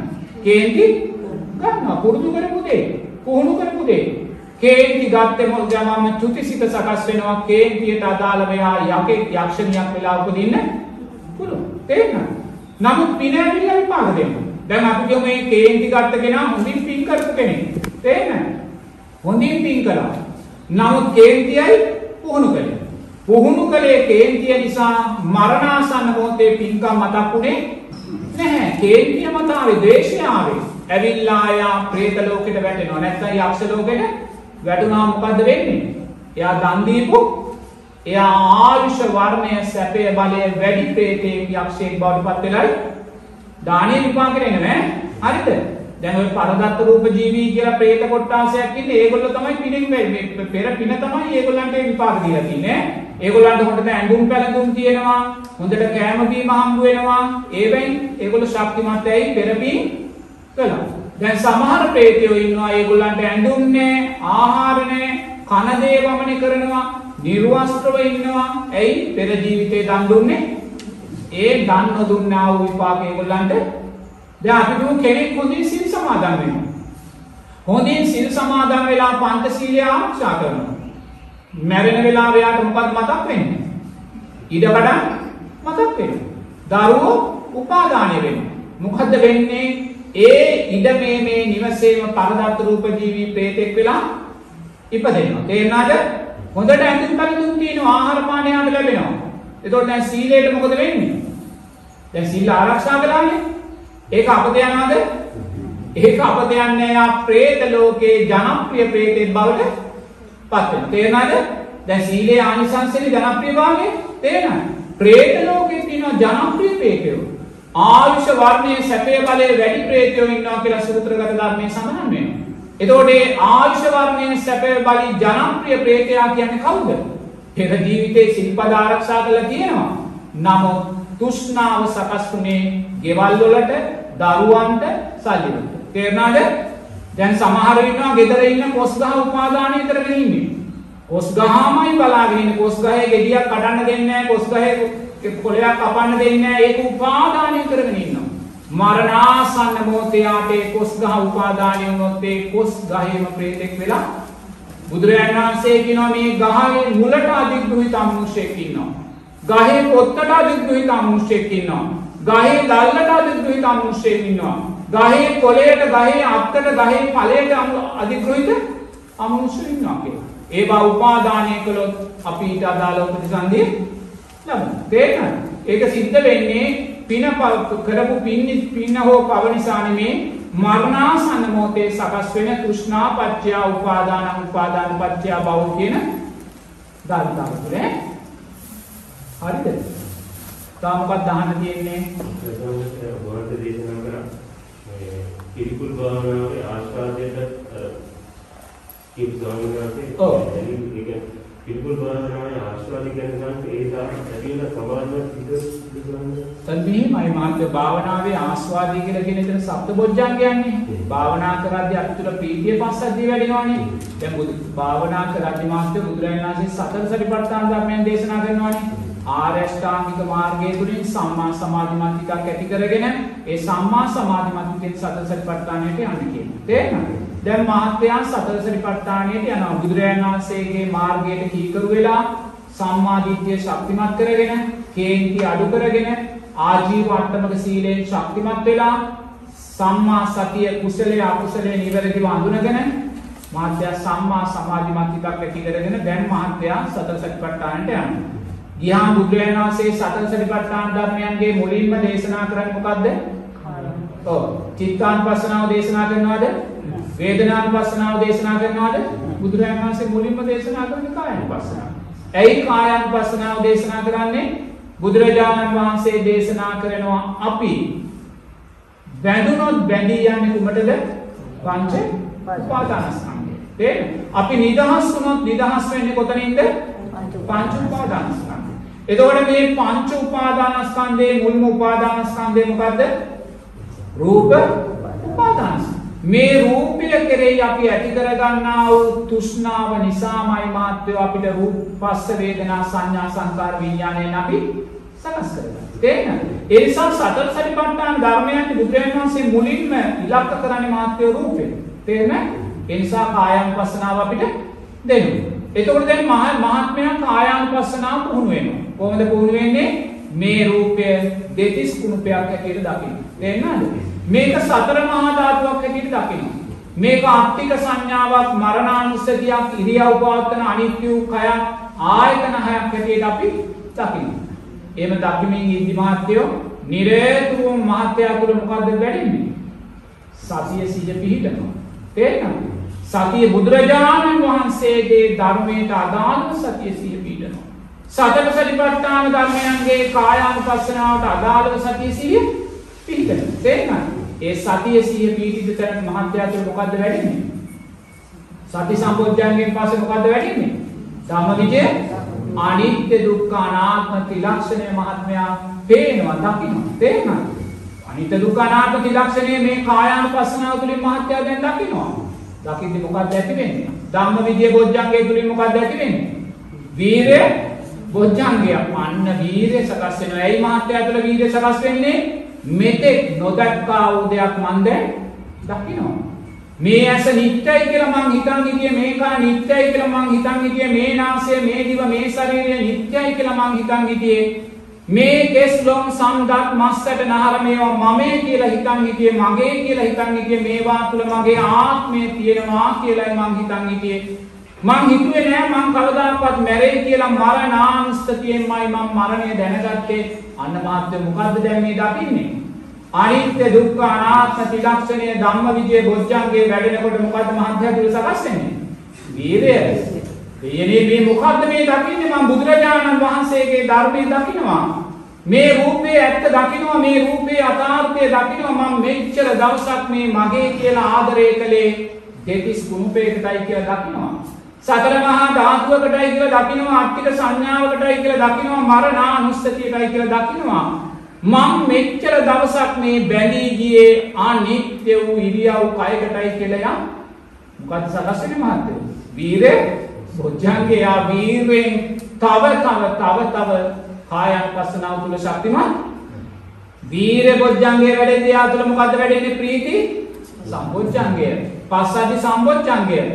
අන්න පී වීර සම්බොජ්ජංගය තුලින් ප්‍රීති සම්බොජ්ජංගය වැඩෙද්දි මාත්‍යෝ අන්‍යයා උපක්ලේශයන්ට කොටු වෙන තැන තේරෙනවද එයා ඒ වීරය ආස්වාදය තුලින් මතු කරන්නා වූ ප්‍රීති ආස්වාදයට එයා බැඳෙනවා තේරෙනවද අන්න තෙතෙන්දි තමයි බුදුරයන් වහන්සේ චිත්තානුපස්සනාව වේදනානුපස්සනාව ධම්මානුපස්සනාව අපිට දෙන්නේ. තේරෙනවද? සතර සතිපට්ඨානයන්ටයි කායානුපස්සනාව වඩලා ඒ කායානුපස්සනාව තුළ සකස් වෙන්නා වූ සෑම සිතුවිල්ලක්ම චිත්තානුපස්සනාවෙන් දකින්න. තේරෙනවද? කායානුපස්සනාව තුළ සකස් වුණා වූ සෑම සිතුවිල්ලක්ම දැන් මොහොතක් හිතන්නකෝ. ඔබ දැස් දෙක පියාගෙන දෙතිස් කුණුපයක් හැටියට මේ රූපය වඩනවා. ඔබ මේ කෙස් ලොම් නිය සම්දත් මස් සැට නහර මේ ඔක්කෝම ගලවල ඔබ ඉස්සරන් අතුරනු. තේරනාද දැන් කොටස් කියක් තියෙනවාද මේ කොටස් තිස් දෙක දිය ඔබ මනෝමය රූපයකින් දැන් බලනවා. මේ කෙස් තුළ මම කියලා කෙනෙක් ඉන්නවාද. මේ කෙස් තුළ මගේ කියල දෙයක් තියෙනවාද. මේ කෙස් තුළ මගේ ආත්මය කියල දෙයක් තියෙනවාද. මේ කෙස් නිරතුරුවම නුවනින් යා පෙරල පෙරලා පෙරල පෙරලා බලනවා මෙතන සත්වයේ පුද්ගලයෙක් ඉන්නවාද කියලා මහත්තයෝ. මහත්තයා දකින්නවාද එහෙම දෙයක්? මේ සෑම දෙයක්ම දැක්කේ සිතුවිලි තුලින් නේද? දැන් මේ දැක්ක එකම සිතුවිල්ලක්වත් මහත්තයාට අයිතිද? දැස් දෙක පියාගෙන සෑම සිතුවිල්ලක්ම අනිත්‍යයි කියලා දකින්න. තේරෙනවද? භාවනා වැඩෙන වෙලාවේ මෛත්‍රී හිතක් ඇති වුණා නම් ද්වේෂ සිතක් ඇති වුණා නම් ධර්මයට අධර්මයට අදාළ හිතක් ඇති වුණා නම් ඒ සෑම සිතුවිල්ලක් අනිත්‍යයි කියලා දකින්නවා ඒකම සිතුවිල්ලකටවත් බැඳෙන්නේ නැහැ. ආයිමත් මහත්යා කායානුපස්සනාව කියනවා. දැන් ආයිමත් දෙතිස් කුම්භ භාවනාව කරනවා. එයා බලනවා මේ ලොම්වල මේ මස්වල මේ ඇටවල මේ සම්වල මම කියලා කෙනෙක් ඉන්නවද? මගේ කියලා කෙනෙක් දෙයක් තියෙනවද? මගේ ආත්මේ ඒ කොතනකවත් එහෙම දෙයක් එයා දකින්නේ. ඔන්න එයාට ප්‍රීතියක් ඇති වෙනවා. සතුටක් ඇති වෙනවා. ප්‍රසාදයක් ඇති වෙනවා. සප්ත බොජ්ජංග වැඩෙන්නේ. එයා ඒ සැප වේදනාව නිත්‍ය වශයෙන් ගන්නෙ අන්න එයා සැප වේදනාව වේදනානුපස්සනාවේ දකින්න. දැන් අදාළ ස්වාමින් වහන්සේ අසුභය වැඩි ස්වාමින් වහන්සේ සැප වේදනා වේදනානුපස්සනාවෙන් දැක්කේ නැහැ. තේරෙනවද? ඒ සකස් වුණා වූ සිතුවිලි චිත්තානුපස්සනාවෙන් දැක්කේ නැහැ. අසුභය වඩමින් ප්‍රීතිය පස්සද්ධියට බැඳී ගියා. හරිද? තේරෙනවද මතක? අසුභය වඩද්දි ප්‍රීතිය පස්සද්ධියට බැඳී ගියා. ඒ ප්‍රීතිය පස්සද්ධිය චිත්තානුපස්සනාවෙන් වේදනානුපස්සනාවෙන් මේ සකස් වෙන ප්‍රීතියත් මේ සකස් වෙන පස්සද්ධියත් ධර්මතාවයක් මේ ධර්මතාවය සකස් වුණේ සති සම්බොජ්ජංගේ නිසා ධම්මවිජය බොජ්ජංගේ වැඩුණා. ධම්මවිජය බොජ්ජංගේ නිසා වීර්ය බොජ්ජංගේ වැඩුණා. වීර්ය බොජ්ජංගේ නිසා ප්‍රීති සම්බොජ්ජංගේ වැඩුණා. මේ සෑම ධර්මතාවයක්ම අනිත්‍යයි කියලා දැක්කේ. හරිද මහත්තයෝ? ඒ නිසා භාවනා වඩද්දි මේ කායානුපස්සනාවට චිත්තානුපස්සනාව වේදනානුපස්සනාව ධම්මානුපස්සනාව තුනම එකට එකතු කරගෙනයි අපි යන්නේ ඕනේ. තේරෙනවද? එහෙම නොගියොත් මහත්වෝ අපි මේ භාවනාවේ ආස්වාදයට බැඳෙනවා ඈ. එතකොට මේ භාවනාවේ ආස්වාදයට බැඳුනොත් විදර්ශනා නුවණ අපිට අරන් දෙන්නේ නැහැ. සෝවාන් සකෘදාගාමි දිශාවට අරන් යන්නේ ඒ භාවනාව මරණාසන්න උපාදානය වුණ සුන්දර දිව්‍ය තලයක සුන්දර මනුස්ස තලයක සුන්දර ජීවිතයක් ලබලා දෙනවා. තේරෙනවද? මොකද සප්ත බොජ්ජංගයන් තුලයි අපවත් වෙන්නේ මැරෙන්නේ. නමුත් ඒ සප්ත බොජ්ජංගේනුත් සතර සතිපට්ඨාන ධර්මයන් තුලින් දැක්කේ නැහැ. අපි දකින්න ඕනේ සප්ත බොජ්ජංග ධර්මයෙන් සතර සතිපට්ඨානෙන් දකින්න. කොහොමද සප්ත බොජ්ජංග ධර්මයන් සතර සතිපට්ඨානෙන් දකින්නේ? දැන් අපි තුල වීර්ය බොජ්ජංගේ වැඩෙනවා නම් අපි තුල ප්‍රීති සම්බොජ්ජංගේ වැඩෙනවා නම් ඒ ප්‍රීති සම්බොජ්ජංගේ වීර්ය සම්බොජ්ජංගේ වැඩෙන කුමක් ඇසුරු කරගෙනද? රූපය රූපයෙන් තොර වැඩෙන්නේ නැහැ නේද? ඒ රූපේ නිත්‍යද අනිත්‍යද? අන්න ආයිමත් අපි ඒ රූපය කායයක් වසනාවේ දකින්න. තේරෙනවද?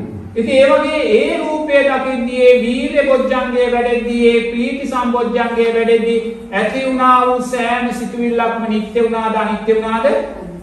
අනචිත්තානුපස්සනාවෙන් දකින්නවා. ඒක නිත්‍ය වශයෙන් ගන්නෙ නැහැ.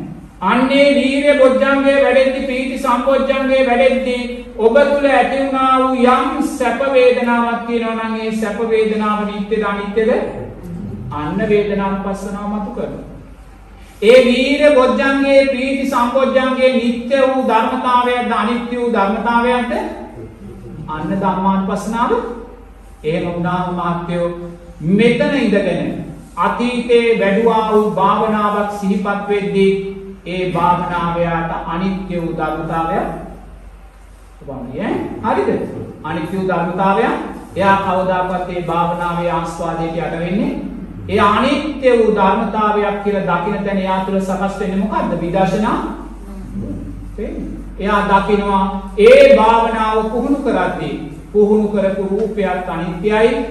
ඇති වුණා වූ සිතුවිලිත් අනිත්‍යයි. වැඩුණා වූ සැප දුක් උපේක්ෂා විඳීමුත් අනිත්‍යයි. වැඩුණා වූ සප්ත බොජ්ජංගයත් අනිත්‍යයි කියලා දකිද්දි මහත්ය මහත්යා දකින්නේ කුමද්ද පංච උපාදානස්කන්ධේ? හරිද මහත්ය තේරෙනවද? හරි. තව කාටද මොකද ගන්න තියනවද? කියන්න. පිනෙන් පරලෝ යාම මිය පරලෝ යාම? පිනෙන් පිනෙන් පරලෝ යාම ඔව්. කඩෙන් පරලෝ යාම ඔව්. ධානයෙන් පරලෝ යාම ගැන මෙහෙමයි පුතේ. ඉතින් පව් මරණාස මෙහෙමයි ඈ. දැන් පව් කරපු කෙනෙක් ඉන්නවා ඈ. පව් පවෙන් පරපොල යාම කිව්වේ ගමන් පව නිසාම දුගතියට යනවා කියලා මට කියන්න බෑ මං කිව්වනේ මරණය තීරණය වෙන්නේ උපාදාන පත්‍යා භව භව පත්‍යා ජාති ඈ. තෘෂ්ණා පත්‍යා. එතකොට දැන් කෙනෙක් ඉන්නවා. එයා සත්තු මරනවා. තේරෙනවද? ඒක පිනක්ද පවක්ද?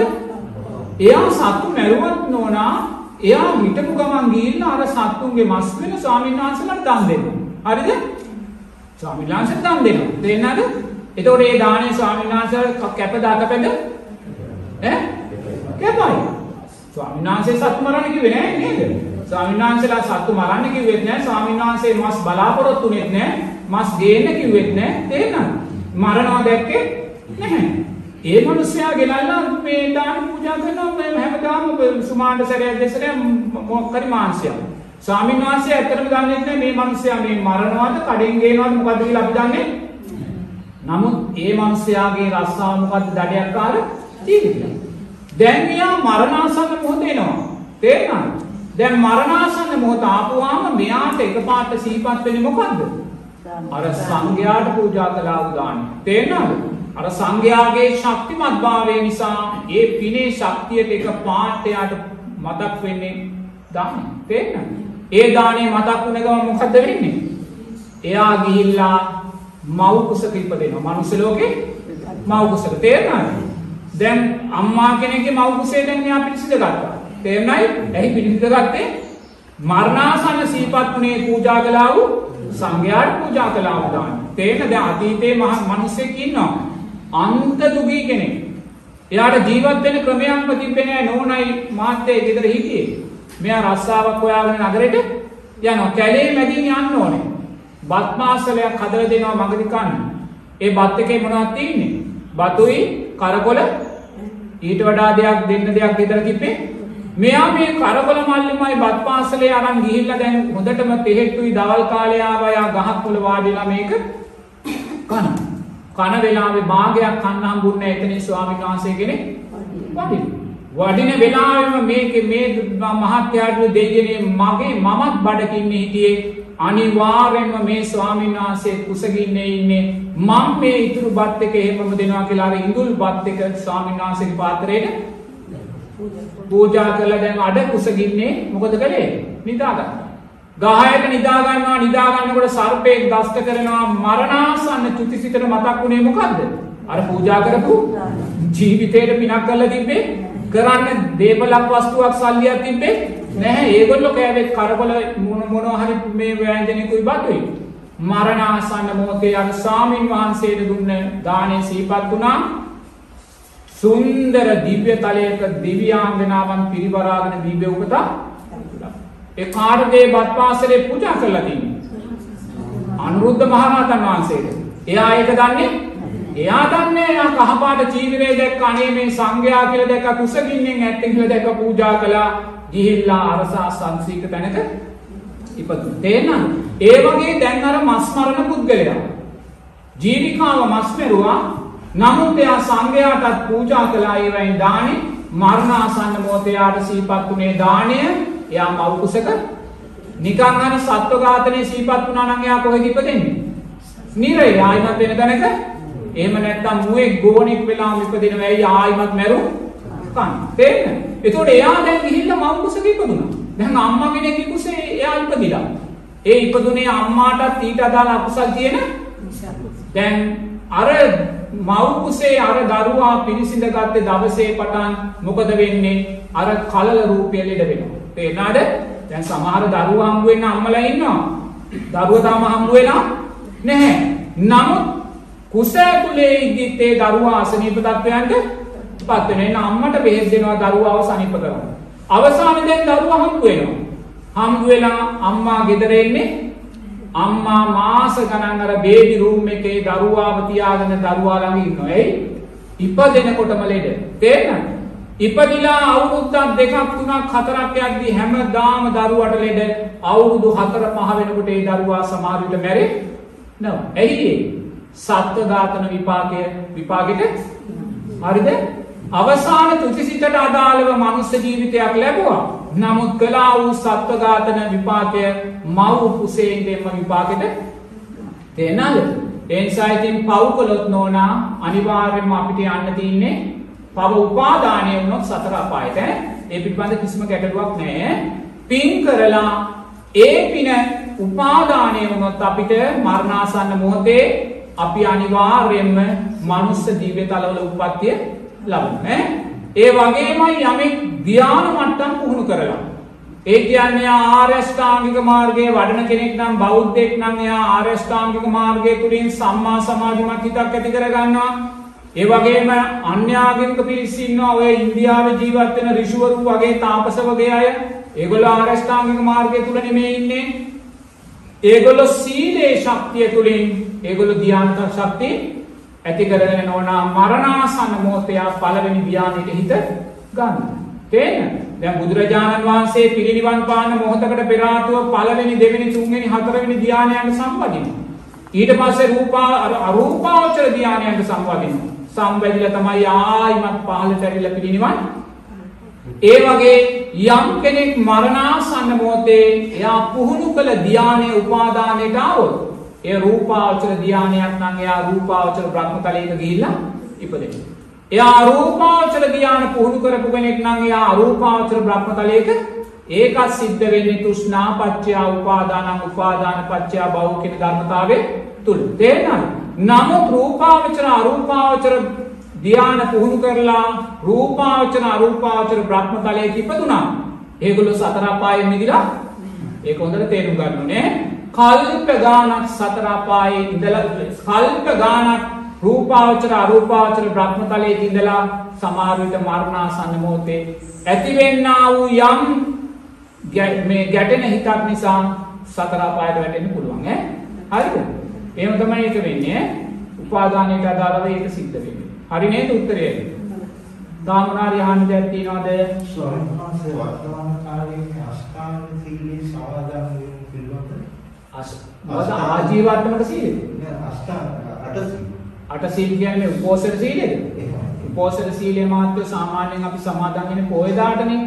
දැන් බුදුරජාණන් වහන්සේගේ කාලේ සතර පොයට සමාදන් වෙනවා. තේරෙනවද? දැන් ඔය අනේ පිළිසිරිතුමා විසාකා උපාසිකා වගේ අය ඒ කාලේ සතර පොහොයටම උපෝසථ සීලයන් සමාදන් වුණා. ඒ සමාදන් වුණේ පන්සලට ගිහිල්ලා ආරම්භ ගිහිල්ලා නෙමෙයි. ඒ කාලේ එහෙම යන්න පන්සල් ආරම්භ තිබ්බේ නැහැ. තේරෙනවද? එතකොට සංඝයා වැඩ හිටියත් මේ ගිහි අයට ගිහිල්ලා සිල් සමාදන් වෙන්නේ මුල් කාලවල වල පන්සල් වල ඒ කටයුතු කළේ ඒගොල්ලෝ සිල් සමාදන් වුණේ ගෙදර. තේරෙනවද? ගෙදර ඉන්න හැම කෙනෙකුටම පුංචි දරුවට පවා ඒගොල්ලෝ උපෝසථ සීලය සමාදන් කළා. තේරෙනවද? ඉතින් ඒ බුදුරජාණන් වහන්සේ අපිට උපෝසථ සීලය සමාදන් වෙන්න කියන මාත්‍ර සතර පොයද. හොඳේ? ඒ වගේම වර්තමානයේ නම් කාර්ය බහුල ජීවිතයක් තුළ අපි ඉන්න නිසා පසළොස්වක පොය දාලා අපිට උපෝසථ සීලයන් සමාදන් වෙන්න පුළුවන්. තේරෙනවද? එහෙම නැතුව Tamanට නිවාඩු පාඩු තියෙන වෙලාවක සතියකට සති දෙකකට මාසයකට මාස දෙකකට ආරණ්‍යයකට ගිහිල්ලා ඊට අදාළ තැනකට ගිහිල්ලා එක දිගටම උපෝසථ සීලයන් සමාදන් වෙන්න පුළුවන්. හොඳේ? දැන් මහත්තයා මොකද්ද අහන්නේ කියන්නකෝ? පැය අටකට හය හතකට හයකට එහෙම උපෝසථ සීලයක් සමාදන් වෙන්න පුළුවන්. බෑනේ මාත් උපෝසථ සීලයේද විකාල බෝධිනා සිල්පදේ අපි රකින්න බෑ. තේරෙනවද? ඉතින් 12න් පස්සේ අපිට කවදාකවත් ඒ සීලය සමාදන් වෙලා තේරුමක් නැහැ. ඒ නිසා සීලය සමාදන් වෙන්න හැම වෙලාවම මාත් සීලය කෙරෙහි ගරුත්වය. තේරෙනවද? සීලේ ආංශංශ කෙරෙහි විශ්වාසය. මොකද සීලේ ආංශංශ කියන්නේ ජනප්‍රියභාවය ඇති වෙනවා. තේරෙනවද? අපේ භවභෝග සම්පත් ආරක්ෂා වෙනවා. අපි ඕනෑම සභාවකට නොබියව යන්න. අපි සීමුලා නොවී මැරෙනවා සුගතියේ මෙන්න මේ ආනිසංස පිළිබඳ විශ්වාසය අපිට තියෙන්න ඕනේ. ඒ වගේම අපි තුල විශ්වාසයක් තියෙන්න ඕනේ ආර්ය ශ්‍රාංගික මාර්ගයේ මාර්ගාංග 8න් මාර්ගාංග තුනක් බුදුරජාණන් වහන්සේ වෙන් කරන්නේ සීලයටයි කියලා. තේරෙනවද? එහෙනම් සීලය කියන්නේ එසේ මෙසේ දෙයක් සීලයෙන් තොරව කවදාක්වත් අපිට සමාධියක් ඇති කරගන්න බැහැ. තේරෙනවද? සීලයෙන් තොරව සමාධියට අදාළ අංග තුනක් බුදුරජාණන් වහන්සේ ආරෂ්ඨාංගික මාර්ගයට පනවනවා. මොනවද ඒ අංග තුන? සම්මා වායාමෝ, සම්මා සති, සම්මා සමාධි. මේ අංග තුන බුදුරජාණන් වහන්සේ පනවන්නේ සමාධියට. එහෙනම් මාත්‍යෝ සීලය තමයි මේ අංග තුනේ මුල් අයිතිකාරය වෙන්නේ. තේරුණාද? මොකද සීලයෙන් තොරව අපිට කවදාකවත් මේ අංග තුන වැඩෙන්නේ නැහැ. එනම් මාතෝ සීලය කියන්නේ ආර්ය අෂ්ටාංගික මාර්ගයේ නිවන් මාර්ගයේ උතුම් සෝවාන් සකෘදාගාමි අනාගාමි ඵලයන්ගේ මාර්ගය තීරකම ශක්තිය. තේරෙනවද? සීලෙන් තොර ශාසනයක් මේ ලෝකේ පවතින්නේ නැහැ. තේරෙනවද? සීලය මතයි ශාසනය ආරක්ෂාකාරී වෙන්නේ. ඒ නිසා හැම වෙලාවෙම ඒ සීලයට තියෙන ගරුත්වය අපි දෙන්න ඕනේ මහත්තයෝ. තේරෙනවද? ඒ සීලයට ගරුත්වය දෙන තැනදී අපි කාටද ගරුත්වය දුන්නා වෙන්නේ? බුදුරජාණන් වහන්සේට ගරුත්වය දුන්නා වෙනවා. ධර්ම රත්නයට ගරුත්වය දුන්නා වෙනවා. සංඝ රත්නයට ගරුත්වය දුන්නා. මොකද උන්වහන්සේලාමයි සීලය ජීවිත පරිත්‍යාගයෙන් ආරක්ෂා කරලා අපිට පූර්වාදර්ශයන් දුන්නේ. ඒ නිසා අපි සීලයට උත්තම ගරුත්වය දෙන්නේ නැත්නම් මේ උතුම් නිවන් මාර්ගයේ මාර්ගාංග තුනක් නියෝජනය කරන මේසා ශක්තිමත් වූ සීලයට බුදුරජාණන් වහන්සේලා ජීවිත පරිත්‍යාගයෙන් ආරක්ෂා කරපු සීලයට බෝධිසත්වයින් වහන්සේලා සීල පාරමිතාවක් ඇතුවට පෙරුවා වූ සීලයට මාත්‍යව අපි වටිනාකම ගරුත්වය දෙන්නේ නැත්නම් මහත්තයෝ අපිට කවදාකවත් මාර්ගය වැඩෙන්නේ නැහැ. තේරෙනවද? ඒ නිසා අපේ අවශ්‍යතාවයන් මත අපේ කාර්යබහුලභාවය මත අපි පැය හතරක් පැය පහක් පැය හයක් සීලය වෙනුවෙන් වැඩි කළා දැන් නැති කියලා නැගිටලා යනවා නම් එතන අපි ආත්ම කරුත්වයේ දුර්වල එකේ කාටද? සීලය. තේරෙනවද? සීලේ ආත්ම කරුත්වයේ දුර්වල වෙච්ච තැන අපි තුල නොවැඩෙන්නේ මොකන්ද? සද්ධාව. තේරෙනවද? සද්ධාව. ඒ නිසා අපි තීරණය කරන්න ඕනේ පසළොස්වක පොය දවසේ සිල් සමාදන් වෙනවා නම් අනිවාර්යයෙන්ම උදේ 6ට සිල් සමාදන් වෙලා හවස 5 වෙනකන්වත් ඒ සීලය තුල ශක්තිමත්ව ඉන්නවා කියන චිත්තය තමයි මාත්‍ය අපිට සීලයට දෙන්න පුළුවන් උත්තමාත්ම කරුත්වය. තේරුණාද? ඈ? හරිද මාත්‍ය? හොඳේ? පැය 24ක් මොකද මහත්තයෝ? පැය 24ක් මෙහෙමයි මහත්තයෝ දැන් පැය 24ක් සීලය කියන කාරණේ මහත්තයාට පුළුවන් නම් පැය 24ක් තුල සීලය තුල ඉන්න මහත්තයා මොකද කරලා තියෙන්නේ? සීලයට ඊටත් වඩා ශක්තිමත් ආත්මගරුත්වයක් එච්චරයි. නමුත් අපිට හැමෝටම පැය 24ක් සීලය තුල ඉන්නවා කියන්නේ මොකද මේ සංකීර්ණ සමාජය තුල මාත්‍ය හැමෝටම මේක කරන්න බැහැ. තේරෙනවද? එනිසා මහත්යාට පුළුවන් නම් අද උදේ 6 ඉඳන් හෙට උදේ 6 වෙනකම් පැය 24ම සීලය තුල ශක්තිමත් වෙන්න සාමීන් වහන්සේලා ඊට කැමති නම් විහාරස්ථානීට අවස්ථාව දෙනවා නම් තේරෙනවද? ඒක මහත්යා තව ශක්තියක්. තේරෙන්නේ? නමුත් ඒ ශක්තිය තුල හිතන්න යන්න එපා මම පැය 24ක් සීලය තුල ඉන්නවා අනේ අරගොල්ල පැය 8යි ඒගොල්ලන්ගේ මොන සීලෙද මගේ සීලය තමයි උත්තම ඒ මොනත් මාත්‍රෝ ඒ සීලය අර පැය 8ක් ගත්ත ඇගේ සීලයටත් වඩා පල්ලෙහාට හොඳට ඒක තේරුම් ගන්න ඕනේ. හැම වෙලාවම ඒවා නිසා අපිට මාන්නේ සකස් වෙන නිසායි බුදුරජාන් වහන්සේ අපිට මේ ධර්මයේ මේ ආකාරයෙන් දේශනා කරන්නේ. දැන් සමහර පින්වතුන්ලා ඉන්නවා ඒගොල්ලෝ ගිහි ජීවිතය තුල ඉන්නේ. ඒගොල්ලෝ රැකියාවටත් යනවා. නමුත් හැමදාම අට සීලය උපෝසථ සීලය සමාදන් වෙනවා. ඉතින් සමාදන් වුණාට පස්සේ ඒකෙන් මොකද්ද වෙන්නේ? කවදාක්වත් ඒ සීලයට යාට ගෞරවයක් දෙන්න බැහැ. යා උපෝසථ සීලය සමාදන් වෙලා කාරකේ ඉඳගෙන වාඩි වෙලා යනවා. තේරෙනවද? ඉතින් කවුරු හරි පාර පැන්නොත් ඔන්න ගැටෙනවා. නමුත් උපෝසථ සීලය තුලයි ඉන්නේ. 12 ඉස්සෙල්ලා ඔක්කොමටම පේන මං සීල් සමාදන් වෙලා කියලා කෑම ගන්නවා. දැන් මොකද්ද මේ වැඩෙන්නේ? සීලය නිසාම මාන්නේ වැඩෙනවා. තේරෙනවද? සීලය නිසාම මාන්නේ වැඩෙනවා. ඒ නිසා හැම වෙලාවම අපි දක්ෂ වෙන්න ඕනේ. එහෙම පැය 24ක් සීල් ගන්න පුළුවන් නම් ඒක ශ්‍රේෂ්ඨ දෙයක්. නමුත් ඒ පැය 24 තමා විතරක් දැනගත්තාම ඇති ඈ. තේරෙනවද? එත එතනින් තමයි අපි සීලය උපයෝගී කරගන්න ඕනේ අපේ තෘෂ්ණාව නිරෝධය කිරීම උදෙසා මිසක් තෘෂ්ණාව වැඩි වීම උදෙසා නම් තේරෙනවද? සීලය නිසා අපේ තෘෂ්ණාව වැඩෙනවා නම් අපේ සීලය පෙන්වලා අපි අනිත් කෙනාගේ සීලය දුර්වල කොට දකිනවා නම් ඒ සෑම මොහොතකම අපි දුර්වල කරගන්නේ මොකද්ද? සම්මා සංකප්ප. තේරෙනවද? සම්මා සංකප්ප දුර්වල කරගෙන අපේ සීලය ශක්තිමත් කරගෙන වැඩක් නැහැ. ඒ නිසා මහත්යාට පුළුවන් නම් අද උදේ 6 ඉඳන් හෙට උදේ 6 දක්වා තමන්ගේ උපෝසථ සීලය ආරක්ෂා කරගෙන ඉන්න මාත්‍රෝ. ඒක බොහොම සුන්දර අවස්ථාවක්. මේ වගේ කාර්යබහුල ලෝකෙකදී ඈ. තේරෙනවද? පුළුවන් වෙලාවට සතියක් දෙකක් වුණත් කමන්නේ විවේකයක් තියෙනවා නම් ආරණ්‍යයකට පන්සලට ගිහිල්ලා ඒක නැවතිලා ඒ කටයුතු කරගන්න පුළුවන්. ඒ කරගන්න මොහොතක් පාසා අපේ සීලේ ශක්තිමත් භාවයට පත් වෙනවා. ඒ සීලේ ශක්තිය අපිව යොමු කරන්නේ මාත්‍ය සමාධිය දෙසට. ඒ සමාධිය අපිව යොමු කරන්නේ කොහාට විදර්ශනාව දෙසට. තේරෙනවද? ඒ නිසා තමන් ඒක කැමති ආකාරයෙන් සිද්ධ කරගන්න පුළුවන් හැබැයි පැය හතරක් පහකට හයකට නම් උපෝසථ සීලය සමාදන් වීමෙන් අපේ ශ්‍රද්ධාව දුර්වල වෙනවා. තේරෙනවද? හරිද දැන්. තාම මොකක්ද අහන්න තියෙන්නේ? අවසරයි සර් කියන්න. මේ අපි අතින් යම් කිසි හේතුවක් නිසා සීල්පදයක් බිඳිලා ගියොත් ඔව්. නැවත වරක් මේ සීලය නැවත සමාදන් වුණත් අපේ හිතේ අර තියෙන විපිරිසර ගතිය තියෙනවා. ඔව්. ඒ විපිරිසර ගතිය නැති කරගෙන මේ සීල්පදේ නැවතත් ඉදිරියට රැකගෙන යන්නේ කොහොමද? මේමයි මාතු දැන් සමන් සීලයක් සමාදන් වෙලා සිල්පදයක් බිඳිනවා. තේන්න? ඉතින් මේ සිල්පදේ බිඳින වෙලාවේ මාත්‍යා දක්ෂ වෙන්න ඕනේ. මේ මොහොතේම නැවත අලුතෙන් සිල් සමාදන් තේන්න? දැන් මාත්‍යාට තියෙන අලුත් ජීවිතයක්. හරිද? තේරුණාද දැන් මාත්‍යා සිල් සමාදන් වෙනවා සිල් සමාදන් වෙද්දි මාත්‍යාගේ සිල්පදයක් බිඳිනවා මාත්‍යා හොඳටම දන්නවා සිල්පදේ බිඳිනවා කියලා තේන්න මාත්‍යා මේ මොහොතේම අලුතෙන් සිල් සමාදන් වෙනවා තේන්න දැන් මාත්‍යාට තියෙන අලුත් සීලයක් තේන්න අර පරණය කියන මහත්ය හිතන්න යන්න ඕනේ. ඒ පරණ සිත අතීත පංච උපාදානස්කන්ධය අනිත්‍ය කියලා දකින්න. තේරෙනවද? තේරෙනවද? ඒ පරණ ඒ බිඳුණු සිල්පදයේ තුලින් සතර සතිපට්ඨානෙ මතු කරගන්න. කොහොමද මතු කරගන්නේ?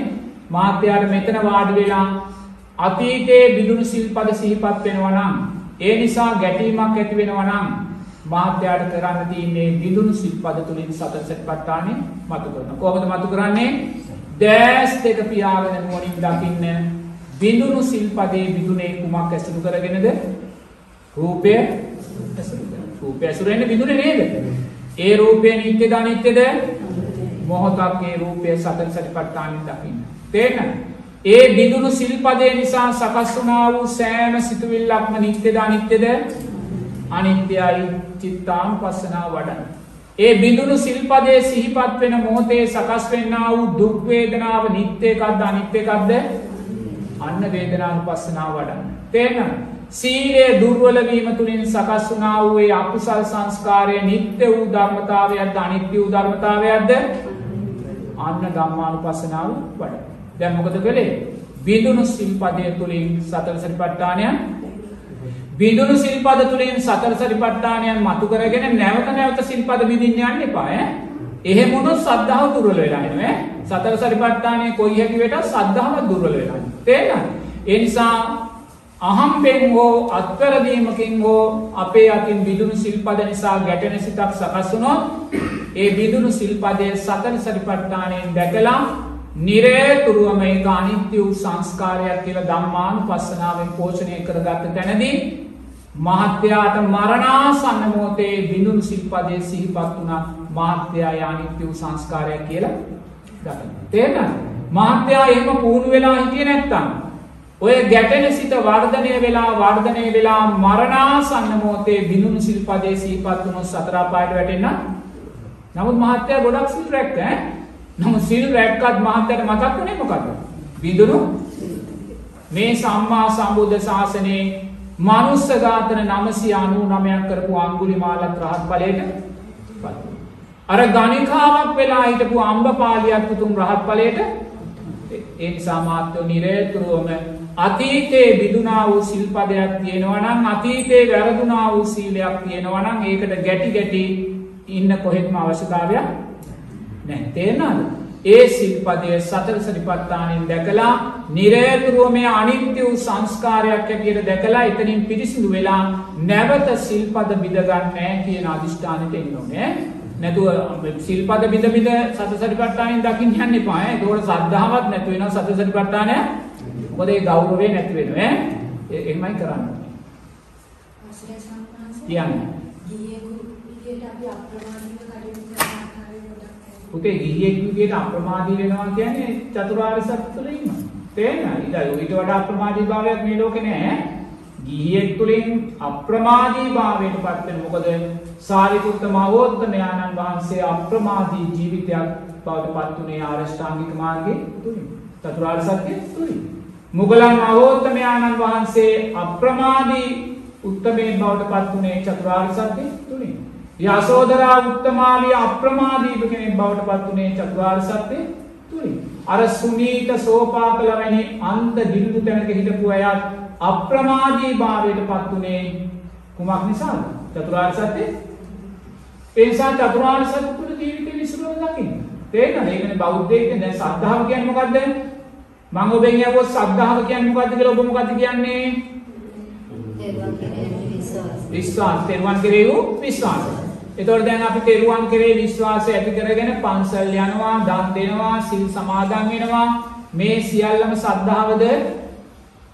ඕක නෙමේ සද්ධාවේ කියන අර්ථය ඈ. ඔය තමයි සද්ධාවක මාර්ගය ඈ.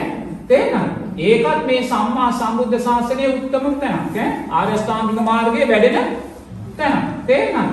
ඕක සද්ධාවක මාර්ගය. බුදුරජාණන් වහන්සේ මේ නියසිලට පස් ටිකක් ගන්නවා. කොතෙන්ද ගන්නෙ? මේ මහපට ඇඟිල්ලේ නියසිලට වැලි ටිකක් අරගෙන Taman ඉස්සරහා ඉන්න ස්වාමීන් වහන්සේලාට කියනවා මහණෙනි මේ මැරෙන සත්වයින්ගේ සුගතිගාමී වෙන්නේ මේ නියසිලේ කියන පස් ප්‍රමාණයට විතරයි කියන්නේ. ඈ? නියසිලේ ඈ?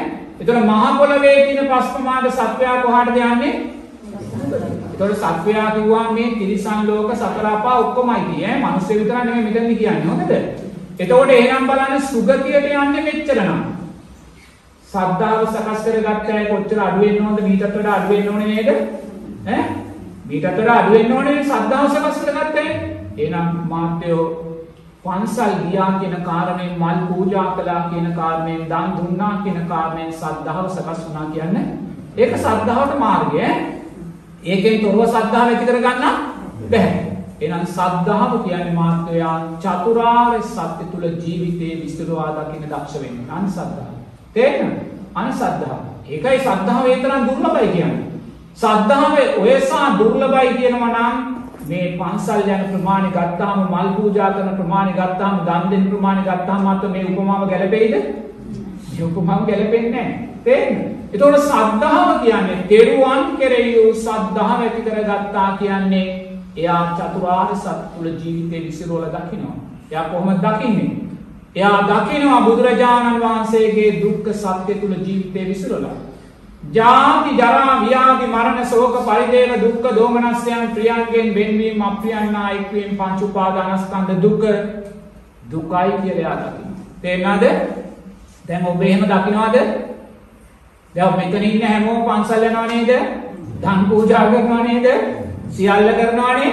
එහෙනම් මේ ජාති ජරා ව්‍යාධි මරණ ශෝක පරිදේව දුක්ඛ දෝමනස්යන් ප්‍රියංගෙන් වෙන්වීම අප්‍රියන්නා එක්වීම පංච උපාදානස්කන්ධ දුකේදී අනේ මේකයි දුක කියලා ඔබ දකිනවද? ඈ ඔබ කැමති කෙනෙක් ඔබෙන් ඈත් වුණොත් අකමැති කෙනෙක් ලං වුණොත් ඔබ කේන්ති ගන්න නැද්ද ගැටෙන්නේ නැද්ද? ශෝක වෙන්නේ නැද්ද අඬන්නේ නැද්ද? ඔබ ඉපදුන දවසේ සිහිපත් කරලා සුන්දර උපන්දින සාද දාන්නේ නැද්ද? ඈ? ජාතිය කියන්නේ මොකද්ද? උපත. ඒතර උපත බුදුරජාණන් වහන්සේ පනවන්නේ කොතෙන්ද? දුකට.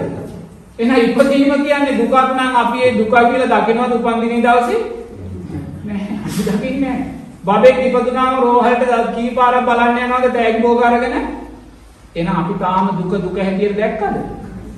සද්ධාව දුර්වලයි කියන්නේ සද්ධාව කියන අර වගේ දුර්ලභ දෙයක් කියන්නේ එච්චරයි. අන්‍යා දුක දුක හැටියට දකින්න. ජාති ජරා ව්‍යාධි මරණ ශෝක පරිදේව දුක්ඛ දෝමනස්යන් ප්‍රියන්ගෙන් වෙන්වීම අප්‍රියන්නා එක්වීම මේ පංච උපාදානස්කන්ධ මේකමයි දුක කියලා දකින්න. දෙවනුව යා තමා තුළින් දකිනවා. දුකට හේතුව කුමක්ද? තුස් අන්න දුකට හේතුව. දැන් දුක ඔබ තුල තිබ්බද නැද්ද? දුක ඔබ තුල තිබ්බා. දුක ඔබ තුල තිබ්බනම් දුකට හේතුව වන දෙවෙනි ආර්ය සත්‍ය තෘෂ්ණාව ඔබ තුල තියෙනවද නැද්ද?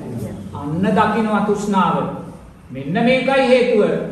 ඇයි අපි මේ ජාතිය සමරන්නේ? ඇයි අපි මේ අනිත්‍ය වෙන රූපය මේසා සුවඳ විලවුන් තවරන්නේ මේක ලස්සන කරන්නේ මේකට ආභරණ පළඳන්නේ මේක තුල මම මගේ කියලා අපි දකින්නේ? තෘෂ්ණාව නිසා. තෘෂ්ණාව නිසා. ප්‍රියංගෙන් වෙන් වෙච්ච තැන දුක් වෙන්නේ ඇයි? තෘෂ්ණාව නිසා. අප්‍රියයන් අපි හා එක් වෙනකොට දුක් වෙන්නේ ඇයි? තෘෂ්ණාව නිසා. අන්න දකින්නවා මෙන්න දුක මා තුල තියෙනවා. මෙන්න දුකට හේතුව තෘෂ්ණාව. තුන්වෙනි ආර්ය සත්‍ය දිහා දකින්නවා දුක තියෙන්නේ තමා තුල නම් දුකට හේතුව තෘෂ්ණාව තියෙන්නේ තමා තුල නම් දුක නැති කරන්න ඕනේ කවුද? තමාමයි අන්න තමාමයි චතුරාර්ය සත්‍ය තමාමයි කියලා දකින්නවා මේ දුක නැති කරගන්න ඕනේ. හතරවෙනි ආර්ය සත්‍ය දිහා මොකද කරන්නේ? මේ දුක දැකලා තමා තුලින් මේ දුකට හේතුව තෘෂ්ණාව තමා තුලින් දැකලා දුක නැති කළ යුත්තේ තමා තුලින්මයි කියලා දැකලා එයා මොකද්ද කරන්නේ? ආර්ය ශ්‍රාමික මාර්ගය තුල ගමන් කරනවා. තේරෙනවද? දැන් මොකද්ද යා මේ දැක්කේ? චතුරාර්ය අන්න දුකට කරන්න ඕනේ මේ. තේරෙනවද?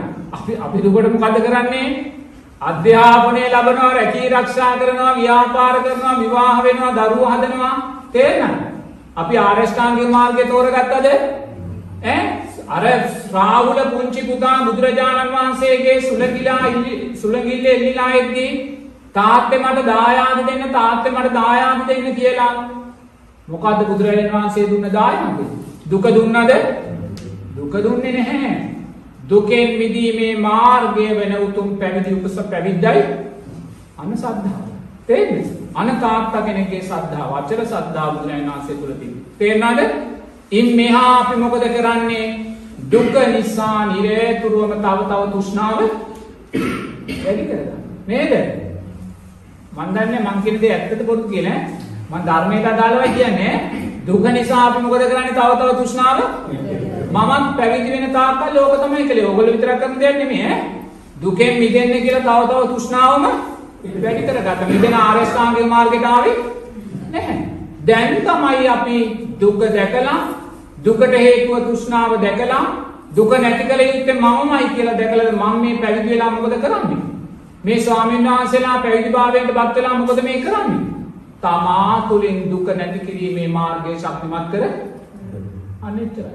එහෙනම් ඔබට දුක දැනෙනවා නම් ඔබේ මේ රූපය නිසා ජාති ජරා ව්‍යාධි මරණ දුක ඔබට දැනෙනවා නම් ඔබේ අම්මා තාත්තා පුතා දුව මේ අය නිසා ඔබේ රූපයන් නිසා ජාති ජරා ව්‍යාධි මරණයන් ඔබ දැන් නිසා දුකටපත් වෙනවා නම් ප්‍රියයන්ගෙන් වෙන්වීම නිසා අප්‍රියන්නා එක්වීම නිසා ඔබට දුකටපත් වෙනවා නම් මේ පංච උපාදානස්කන්ධ ධර්මයන් නිසා මේ අනිත්‍ය වෙන රූප වේදනා සංඥා සංකාර විඥානයන් නිසා ඔබට දුකටපත් වෙනවා නම් ඔබ මොකද කරන්න ඕනේ? විශ්වවිද්‍යාල උපාධිය අරන් වැඩක් තියනවාද? හොඳ රස්සාවක් හොයාගෙන වැඩක් තියනවාද? විදේශගත වෙලා වැඩක් තියනවාද? ඈ ගොවිතැන් කරලා වැඩක් තියනවාද? ඔබ කරන්න ඕනේ ආරෂ්ඨාංගික මාර්ගයේ අනුදුකින් මිදෙන්න. තේරෙනවද? නමුත් සාරා සංක කල්ප ලක්ෂ සියක් කෝටි ප්‍රකෝටි ගානක් අතීතේ පටිච්ච සමුප්පන්නව බුදුරජාණන් වහන්සේලා ලක්ෂ ගානක් පහළ වෙලා තියෙනවා. තේරෙනවද? ඒ බුදුරජාණන් වහන්සේලා ලක්ෂ ගානක් පහළ වුණා වූ සම්මා සම්බුද්ධ ශාසනවල උතුම් රහතන් වහන්සේලා කෝටි ගානක් පහළ වෙලා තියෙනවා. ඒ නිසා අපි මේ මොහොතේ මේ භික්ෂුවගෙන් බණහනෝ වගේ ඔබලා ජීවමාන බුදුරජාණන් වහන්සේලාගෙන් කොච්චර බණහලද? මේ මොහොතේ මේ භික්ෂුවගෙන් බණහනෝ වගේ සංසාරයේ උතුම් රහතන් වහන්සේලාගෙන් කොච්චර බණහන තියෙනද? නමුත් අපි තාමත් චතුරාර්ය සත්‍ය අපේ ජීවිත තුලින් ගත්තද? ඉතාමත් ගත්තේ නැහැ. අපි දුක කියලා, අපි සැප කියලා කුමක්ද මේ හොයන්නේ? දුකමයි. අපි සැප කියලා මොකද්ද මේ ලං කරගන්නේ? දුකමයි. තේරෙනවද? ඒක ඔබේ වරද්දක්ද? ඈ?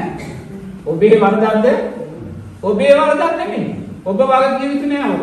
කවුද ඔබට වග කිය යුතු? වග කිය යුතු තමයි අපි දෙයක්. තේරෙනවද? අවිද්‍යාවයි ඔයිට ඔබලාට කවුරුනකවත් අපි වග වග කිය යුතුයි කියලා කියන්නේ ඔබේ වග කිය යුත්තා අවිද්‍යාවමයි. මම තාමත් භික්ෂුවක් හැටියට මට සෝවාන් සකෘදාගාමි අනාගාමි අරියත් ඵලයන්ට සාක්ෂාත් කරගන්න බැරි වුණේ වගකියුත්ත මමද? ඊට වගකියුත්තා විද්‍යාව. මොකක්ද අවිද්‍යාව කියන්නේ චතුරාර්ය සත්‍ය? අන්න වග වගකියුත්තා තේරෙනවද ඒ නිසා ඔබ දක්ෂ වෙන්න ඕනේ වගකියුත්තාගෙන් මිදෙන්න. තේරෙනවද චතුරාර්ය සත්‍ය ජීවිතේට එකතු කරගන්න. මේ ජාති ජරා ව්‍යාධි මරණයන් දකිද්දී ඒවාට ඇලෙන්න ගැටෙන්න යන්න එපා. තේරෙනවද? මේ ජාති ජරා ව්‍යාධි මරණ සකස් වුනේ කුමක් නිසාද? මේ සලායතනයන්ගේ ඉපදීම නිසාමයි. මේ සලායතනයන් ඉපදුනේ කුමක් නිසාද? මේ නාම රූප ධර්මයන් නිසාමයි. මේ නාම රූප ධර්මයන් ඉපදුනේ කුමක් නිසාද? මේ පටිච්ච සමුප්පන්න විඥානේ මේ පටිච්ච සමුප්පන්න විඥානේ ඉපදුනේ කුමක් නිසාද? අපි මේ රැස් කරන කුසල් අකුසල් සංස්කාර මේ කුසල් අකුසල් සංස්කාරයන් ඉපදුනේ කුමක් නිසාද?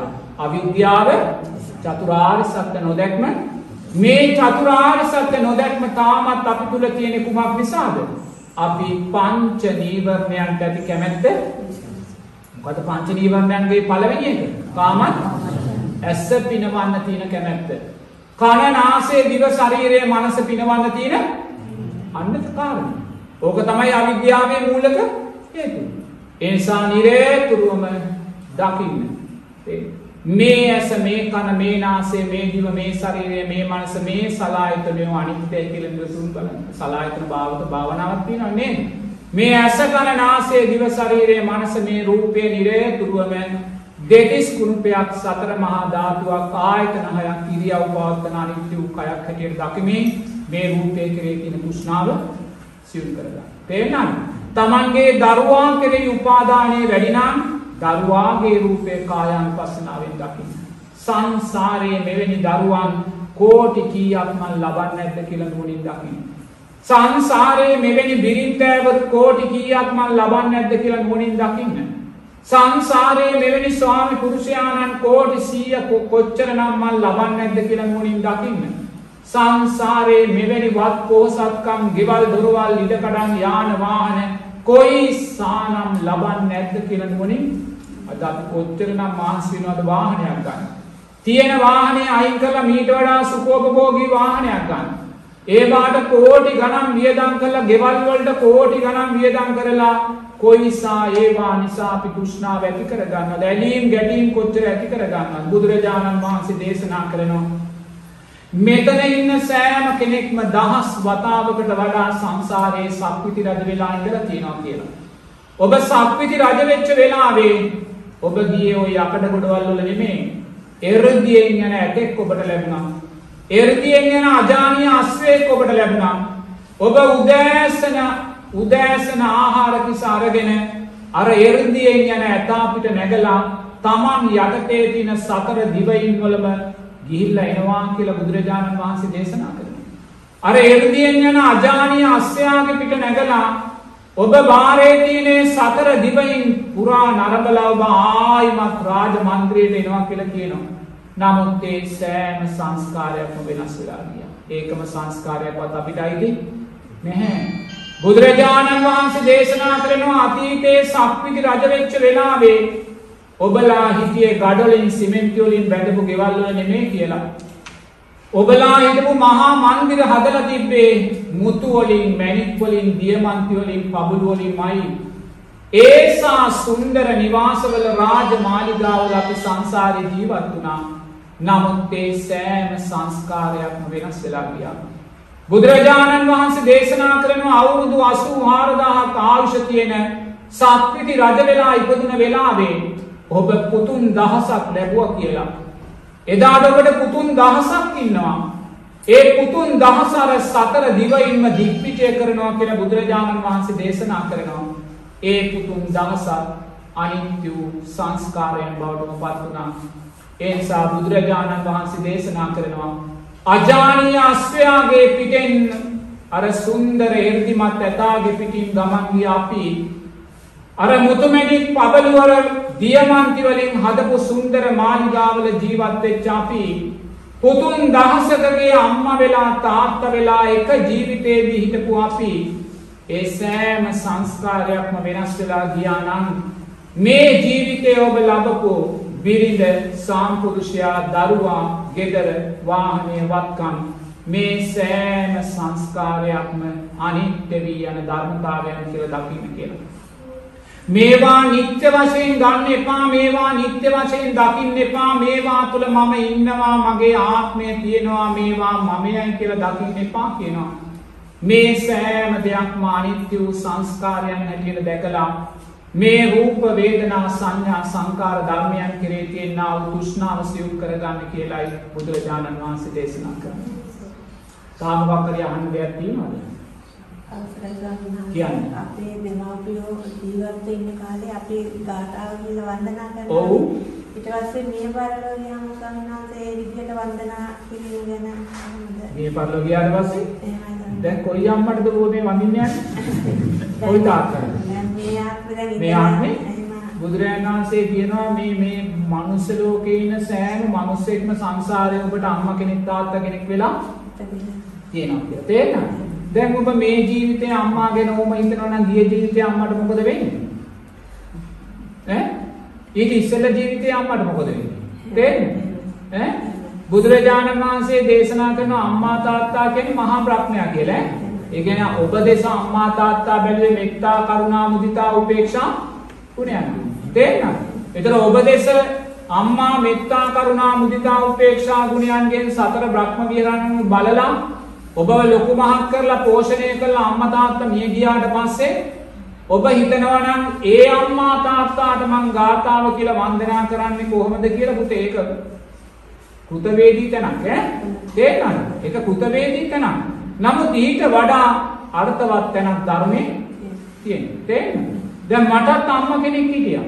මටත් තාත්තා කෙනෙක් හිටියා. ඒ අය මගේ අම්මා මාව දසමාසයක් කුසේ තියාගෙන පෝෂණය කරලා මට කිරි දීලා කරන්න තියෙන සියලුම දේවල් කරලා අපිව ලොකු මහත් නමුත් ලොකු මහත් කළත් ඒ අම්මට කවදාකවත් මාව පැවිදි වෙලා ඉන්නවා දකින්න පින තිබ්බේ නැහැ. බලන්න සංස්කාරයන් කොයිසානම් අසාධාරණද කියලා. දසමාසයක් කුසේ හොයාගෙන ලේ කිරි කරලා පෙවලා නොවිදිනා දුකක් විඳලා අපිව ලෝකෙට බිහි කරලා මමය මගේය මගේ පුතායි කියලා අපිව ලොකු කළාත් පැවිදි වෙලා ඉන්නවා දකින්නේ අම්මට පින තිබ්බේ නැහැ. තේරෙනවද? ඒ පින නොතිබ්බත් සංස්කාරයේ අම්මට එච්චර අසාධාරණයක් කළත් ඒ අම්මා මොකද කළේ? මොකද්ද කළේ? භවයේ ඈතින් ඈතට යන්න ගියා මොකටද? අනාගතේ තවත් අම්මලා වෙලා දරුවන් ඕක තමයි අම්මලාගේ මොහේ කියන්නේ. තේරෙනවද? දැන් මගේ අම්මා මොකද කළේ? මාව පැවිදිලා ඉන්නවා දකින්න අම්මට මේ සංස්කාර ඉඩ දුන්නද? ඒතා අසාධාරණ පංච උපාදානස්කන්ධ ලෝකයක් මේ ලෝකය. ඒසා අසාධාරණ සංස්කාර ලෝකයක් මේ ලෝකය. ඒසා අසාධාරණයක් ඒ අම්මට කරද්දී ඒ අම්මා මෝහය නිසා මොකද කළේ? භවයේ ඈතින් ඈතට යන්න ගියා. පටිච්ච සමුප්පන්නව නැවත අම්මලා වෙලා දරුවන් ඒ දරුවෝ ඒ අම්මට අයිති වෙයිද? මේ දරුවා ඒ අම්මට අයිතිද? ඔතන තමයි තැනකදී ඈ. ඒ නිසා අම්මා සිහිපත් වෙද්දී කියන ගාථාව ගැන නෙමෙයි ඔබ හිතන්න ඕනේ. අම්මා සිහිපත් වෙද්දී අනිත්‍ය වූ සංස්කාරයක් කියලා දකින්න. හරි? ඒක තමයි සැබෑම ගාථාව ඈ. මොකද ගාථාව? අම්මා සිහිපත් වෙද්දී අනිත්‍ය වූ සංස්කාරයක් කියලා දකින්න. අම්මා සිහිපත් වෙද්දී අර මහා සාගරයේ සිහියට නගා ගන්න. තේරෙනවද? බුදුරජාණන් වහන්සේ දේශනා කරනවා ඔබේ අම්මා ඔබේ අම්මේ සංසාරයේ දරුවන් උදෙසා හෙළු කඳුළු මහා සාගරයේ ජලයට වැඩිච්ච නෑ දෙවියෙක් වෙච්ච වෙලාවේ මිනිස්සෙක් වෙච්ච වෙලාවේ තිරිසන් ලෝකෙ ඉපදුන වෙලාවේ ප්‍රේතියක් වෙච්ච වෙලාවේ ඔබේ අම්මා දරුවන් උදෙසා හෙළු කඳුළු මහා සාගරයේ ජලයට වඩා වැඩි කියලා. ඒසා සංසාරයේ කඳුළු සාගරයක් කෙරෙලා ඒ නිසා පුතේ ඒ අම්මා නැවත උපතක් ලැබ ලබනවා කියන තැනට ඔබ කැමති වෙන්න ඕනද අකමැති වෙන්න ඕනේද? මොකද ඒ අම්මා උපතුනා කියන්නේ අර කඳුළු සාගරයට තවත් කඳුළු එකතු කරනවා කියන කාරණය. තේරෙනවද? ඒ නිසා ඔබේ අම්මාට ඔබ දක්වන ශ්‍රේෂ්ඨම කෘතවේදී භාවය තමයි ඔබ ඔබේ අම්මා ජීවත්ව සිටින තාක්කල් ඒ යුතුයකම් පක්ෂය අකුරට කරන්නේ නැති. ඒ එතනින් සතුටු වෙන්න නිරේතුරුවම අම්මා කියන අර්ථය කෙරේ තියෙන තෘෂ්ණාව පැහැර කරන්න. ඔබ අම්මා උපාදානය කරගත්තොත් ඔබ අම්මා මම කියලා දැක්කොත් ඔබ අම්මා තුල මම ඉන්නවා කියලා දැක්කොත් ඔබ ආයිමත් මව් කුසකට බැසීමට අදාළ සංස්කාරයන් තව අම්මා කෙනෙක් උපාදානය කරගන්න. තේරෙනවද? ඒ නිසා අරසා අම්මලාට ඔබ දුක් දීලා තියෙනවා. තේරෙනවද? අරසා අම්මලාට ඔබ නිසා අම්මලා මහා සාගරයේ ජලයට වඩා කඳුළු හෙල්ලලා තියෙන එන අම්මලාට කොච්චර අපි දුක් දීලා තියෙනවද? ඈ ඒ නිසා තවත් අම්මලාට දුක් දෙන්න හිතන්න. තවත් අම්මලාට දුක් දෙන්න හිතන්න එපා. සංසාරේ මම නිසා අම්මලා කෝටි ප්‍රකෝටි ගාණක් මහා සාගරයේ ජලයට වඩා කඳුළු හෙලලා තියෙනවා. මමත් මේ භව ගමනේ නැවත අම්මා කෙනෙකුට මන් නිසා දරුවා වෙලා කඳුළු හෙලන්න දෙන්නේ නැහැ කියන අදිෂ්ඨානට වෙද්දී ඒ තැනම උතුම් සෝවාන් ඵලෙ ආයිමත් ඔබ මනුස්ස ලෝකේ උපතක් ලබන්නේ අම්මා කෙරේ තියෙන තෘෂ්ණාවෙන් බැහැර වෙන්න මේ භව ගමනේ මන් ලැබුවා වූ අවසාන අම්මයි ලැබුවේ කියන තැන ඉඳන් අම්මාව සිහිපත් වෙන මොහොතේම අම්මාගේ රූපේ කායානුපස්සනාවේ දෙතිස් කුණුපයක් කරලා දකින්න සතර මහා ධාතුවක් කරලා දකින්න අට්ටික සංඥාවක් කරලා දකින්න මරණානුස්සතියක් දකින්න අම්මා ගැන සිතන සිතුවිල්ලක් පාසා මේ සිත හැම වෙලාවම චිත්තානුපස්සනාවෙන් අනේ මගේ අම්මා මගේ අම්මා හොඳයි මගේ අම්මා මට ආදරේ මගේ අම්මා මාව මේ විදියට බැලුවා. ඔය සෑම සිතක්ම අයිති කොතෙන්ද? චිත්තාම ඔබ ගන්න යන්න එපා ඒකම සිතුවිල්ලක්වත් ඔබට අයිති. අතීතයේ අම්මලා නිසා ඔවැනි සිතුවිලි කෝටි ප්‍රකෝටි ගාණක් ඔබ ඇති කරගත්ත ඒ අම්මා ඔබට අයිතිත් නෑ ඒ සිතුවිලි ඔබට අයිති. ඔබේ මේ ජීවිතයේ අම්මා සිහිපත් වෙද්දී ඔබට යම් සැප වේදනාවක් ඇති වෙනවා නම් අනේ මට අම්මාගේ යුතුයකමක් ඉටු කරගන්න බැරි වුණා කියලා දුක් වේදනාවක් ඇති වෙනවා නම් ඒ සෑම සැප දුක් උපේක්ෂා විදීමක්ම වේදනානුපස්සනාවේ තේන්න ඒකට බැඳෙන්න අම්මා සිහිපත් වෙද්දී සැප වේදනාවක් සතුටක් ඇති වෙද්දී අනිත්‍යයි කියලා දකින්න. ඒ වගේම අම්මා කියන්නේ ධර්මතාවයක් මේ ධර්මතාවය සකස් වුණේ අවිද්‍යාව නිසාමයි අවිද්‍යාව තියෙන තාක්කල් අම්මා ජාති ජරා ව්‍යාධි මරණයන් කරා පටිච්ච සමුප්පන්නව ගමන් කරනවා කවදා හෝ දවසක අවිද්‍යාව නිරෝධය කරපු දවසේ අම්මත් නිවි යනවා මේ සෑම දෙයක්ම ධර්මතාවයක් කියලා දකින්න මොහොතේ ඔබ ධම්මානුපස්සනාව ඒක තමයි අම්මාට වඳින්න තියෙන ශ්‍රේෂ්ඨම ධර්ම. හරි? හොඳයි. තව කවුරුත් මොනවාරි අහන්න තියෙනවද? සෝවන් වීම පිළිබඳව. වර්තමාන කාලයේ විවිධ මත තියෙනවා. මොනවාද විවිධ මත? සක්කාය දිට්ඨිය සම්පූර්ණයෙන් ප්‍රහාණය වෙනවා. ඔව්. සමාන තැනක තියෙන පන්තිලේ එයකින් කිසියෙත් කැඩෙන්නේ නැහැ. ඔව්. ඉතින් මේ නිවැරදිව මෙහෙමයි මාත්‍යෝ අපි හැම වෙලාවෙම බුදුරජාණන් වහන්සේ මුල් කරගන්න ඕනේ. ඒතකොට බුදුරජාණන් වහන්සේ මුල් කරගත්තාම අපිට අපි අනිවාර්යෙන්ම අපිට මුණ ගැස්සෙන්නේ මොකද්ද? සූත්‍රගත ධර්ම, අභිධර්ම, විනය ධර්ම. තේරුණාද? ඔය තුන මතයි මහත්වෝ අපි අපේ ධර්මයේ නිගමනයන්ට එන්න ඕනේ. මම කිව්වා කියලා නෙමෙයි ඈ. තව කෙනෙක් කිව්වා කියලා නෙමෙයි. මොකද මම නෙමෙයි බුදුරජාණන් වහන්සේ. තව කෙනෙකුත් බුදුරජාණන් වහන්සේගේ සම්මා සම්බුද්ධ ඥානය මහත්යෝ මහා සාගරයේ ජලය නම් අපේ දැනුම කියන්නේ මහත්වයේ සාගරයේ ජලයෙන් දිය බිඳුවක් හොඳට තේරුම් ගන්න ඕනේ. එහෙනම් මං කියන දේ අදාළ කරගන්න එපා ඈ. මං කියන දේ අදාළ කරගන්න ඒ කියන දේ ධර්මයට එකම නැද්ද?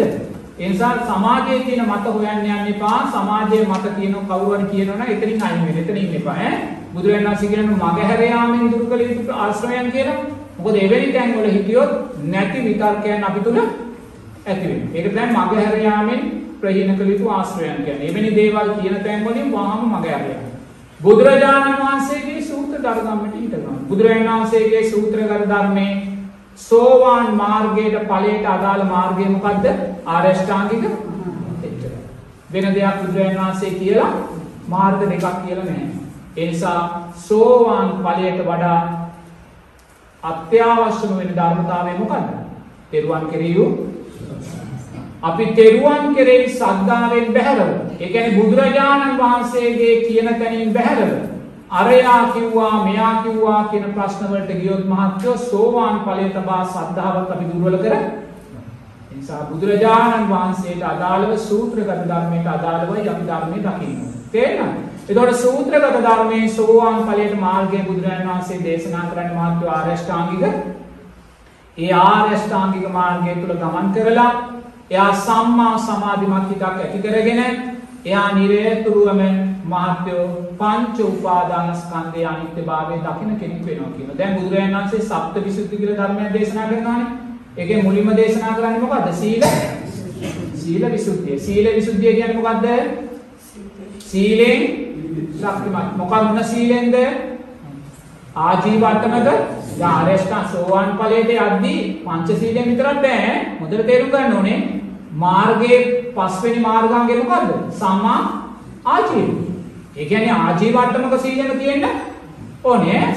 සෝවාන් ඵලයට පත් වෙන කෙනා තුන ආජීවට්ටමක සීල තියෙන ආජීවට්ටමක සීලෙන් තොරව පංච සීලෙන් විතරක් මාර්ගය වැඩෙන්නේ නැහැ. හරිද? දැන් කෙනෙක් ඉන්නවා. එයා පංච සීලය ආරක්ෂා කරනවා. තේරෙනවද? පංච සීලය ආරක්ෂා කළත් එයා වසවිස විගුණනවා. තේරෙනවද? එයා මත් වතුර විකුණන. එයා මත් වතුර බොන්නේ නැහැ. මත් වතුර. එතකොට එයාට සම්මා සතියක් ඇති වෙයිද? සම්මා සමාධියක් ඇති වෙයිද? ඒ සම්මා ආජීවයන් වැඩිලා නැහැ. තේරෙනවද? එන සෝවාන් ඵලයට මාර්ගයට තියෙන ආජීව අට්ටමක සීලය. එතකොට එයා මේ මාර්ගය තුල ගමන් කරලා සම්මා සමාධිමත් හිතෙන් සතර සතිපට්ඨාන ධර්මයන් මතු කරගෙන මහත්යෝ සෝවාන් ඵලයට පත් වෙන වෙලාවේ එයා තුන කාරණා තුනක් පරිපූර්ණ වෙනවා කියලා බුදුරජාණන් වහන්සේ කියන මොනවාද ඒ කාරණා තුන? තෙරුවන් කෙරෙහි වූ අචල සද්ධාව. අචල සද්ධාව ඒක නොබින්ද නොබිදෙන සද්ධාව. ඒක ආයතන බිදෙන්නේ ඊළඟට යා සීලය ආද සීලයක් හැටියට වඩන කෙනෙක් වෙනවා. තුන්වෙනි යා පංච උපාදාන ස්කන්ධය අනිත්‍යභාවය දකින්න කෙනෙක් වෙනවා. අවබෝධය අවබෝධ කරන්නේ අපි උතුම් රහත් ඵලයට පත් වෙන එක. තේරෙනවද? ඉතින් ඒ නිසා මාත්‍ය සෝවාන් ඵලයට පත් වෙනා කෙනා තුළ තියෙන ප්‍රධානම ලක්ෂණ තුන තමයි තෙරුවන් කෙරේ අචල සද්ධාව ඇති වෙනවා. එයා සීලය ආර සීලයක් හැටියට වඩන කෙනෙක් වෙනවා. එයා පංච උපාදානස්කන්ධයේ අනිත්‍යභාවය තෙරුවන් කෙරේ අචල සද්ධාව කියන්නේ මොකද්ද? තෙරුවන් කෙරේ නොසැලෙන නොබිදෙන සද්ධාව කියන්නේ මොකද්ද? එයා තෙරුවනු විදර්ශනාවෙන් දකින්න. තේරෙනවද? දැන් සෝවාන් ඵලයටපත් නොවුන කෙනා මොකද කරන්නේ? බුදුරජාණන් වහන්සේත් මගේ කියලා දකිනවා. බුදුරජාණන් වහන්සේ තුලත් මම ඉන්නවා කියලා දකිනවා. ධර්ම රත්නය මගේ කියලා දකිනවා. සංඝ රත්නය ඔව් දැන් සමහර පින්වතුන්ලා ඉන්නවා අපිව මගේ කරගෙන ඉන්නේ. තේන්නේ? මගේ කරගෙන පොඩි වචනයක් මොන හරි අවවාදයක් කළොත් ඒගොල්ලෝ ගැටෙනවා. මමේ කියලා දකිනවා මගේ කියලා දකිනවා. ඇයි ඒ සංඝයා කෙරේ තියෙන ආව සක්කාය එයා සෝවාන් ඵලයට පත් වෙන වෙලාවේ එයා සංඝයාවත් සතර සතිපට්ඨානය තුළ විසිරවලා එයා දකිනවා බුදුරජාණන් වහන්සේ කියන්නේ තනිත්‍ය වූ ධර්මතාවය. තේරෙනවද? බුදුරජාණන් වහන්සේගේ උපත නිත්‍ය වූ ධර්මයක්ද අනිත්‍ය වූ ධර්මතාවයක්ද? අනිත්‍ය වෙලා තියෙනවා. බුදුරජාණන් වහන්සේගේ සම්මා සම්බෝධියත් අනිත්‍ය වෙලා තියෙනවා. බුදුරජාණන් වහන්සේගේ පිරිනිවීමෙන් බුදුරජාණන් වහන්සේ අනිත්‍යභාවයට අන්න ආර්ය සත්‍යය. තේරෙනවද? බුදුරජාණන් වහන්සේ සිහිපත් වෙද්දී එයා තුල සකස් වෙන්නේ මොකක්ද? ආනිත්‍ය වූ ධර්මතාවයක් කියන අන්න අචල සත්‍යය.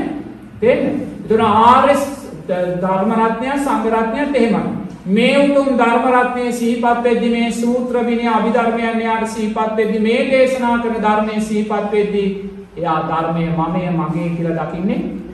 එයා ධර්මයේ ස්ථිරයි නිට්ටයයි කියලා දකින්නේ.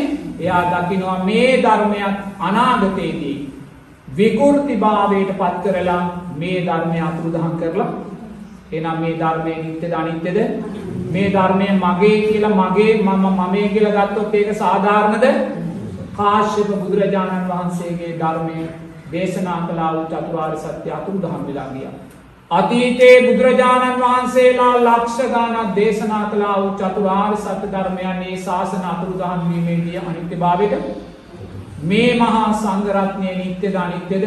කොණ්ඩඤ්ඤ මහෝත්තමයාණන් වහන්සේගේ පටන් අද දවසේ පැවිදුණා වූ සාමණේර හිමි දක්වා මේ සංඝ සමාජය අනිත්‍ය වෙලා යනවා. අනාගතයේ දුස්සීලභාවයට පත්වෙච්ච කාසාය කණ්ඨකලා බිහි වෙනවා සංඝ සමාජය කියලා. ඉන් පස්සේ කාසාය කණ්ඨකලා සංඝ සමාජය සංඝ කියන වචනේ ලෝකෙන් අතුරුදහන් වෙලා අන්න යා මේ තෙරුවන් අනිත්‍යයි කියලා දකිනවා. ඒ නිසා යා කවදාකවත් අනිත්‍ය වෙන තෙරුවන් නිසා එයා ඇලීම් ගැටීම් උපේක්ෂාවන් ඇති කරගන්නේ එයා මොකක්ද ඇති කරගන්නේ? විදර්ශනා නුවණ. අන්න අචල සද්ධාව ඈ? ඒතර ආර්ය සීලය කියන්නේ මොකද්ද එයා සිල් සමාදන් වෙලා සිල් ආරක්ෂා කරලා සීලය ආවර්ජනය කරලා එයා සීලය විදර්ශනාවෙන් බුදුරජාණන් වහන්සේ සාරා සංක කල්ප ලක්ෂ දාන පූරණය කළා වූ ඒ උතුම් සීල පාරමිතාව නිත්‍ය වුණාද අනිත්‍ය වුණාද? අනිත්‍ය වුණා. ඒක අනිත්‍ය වෙලා යනවා. මේ මොහොතේ සීල පාරමිතාව නිත්‍යව තියෙනවද නැද්ද? බුදුරජාණන් වහන්සේ පිරුවා වූ සීල පාරමිතාව මේ මොහොතේ නිත්‍යව තියෙනවද නැද්ද තාම තියෙනවා තාම තියෙනවා මේ බුදුරජාණන් වහන්සේ පිළිබඳ මතකය මේ බුදුරජාණන් වහන්සේ පිළිබඳ මේ සාධකාරයන් මේ සද්ධාවන් තාම ලබන්නේ කුමක් නිසාද? සීලේ ආනිසංස. තේරෙනවද? සීල පාරමිතාවේ ආනිසංස.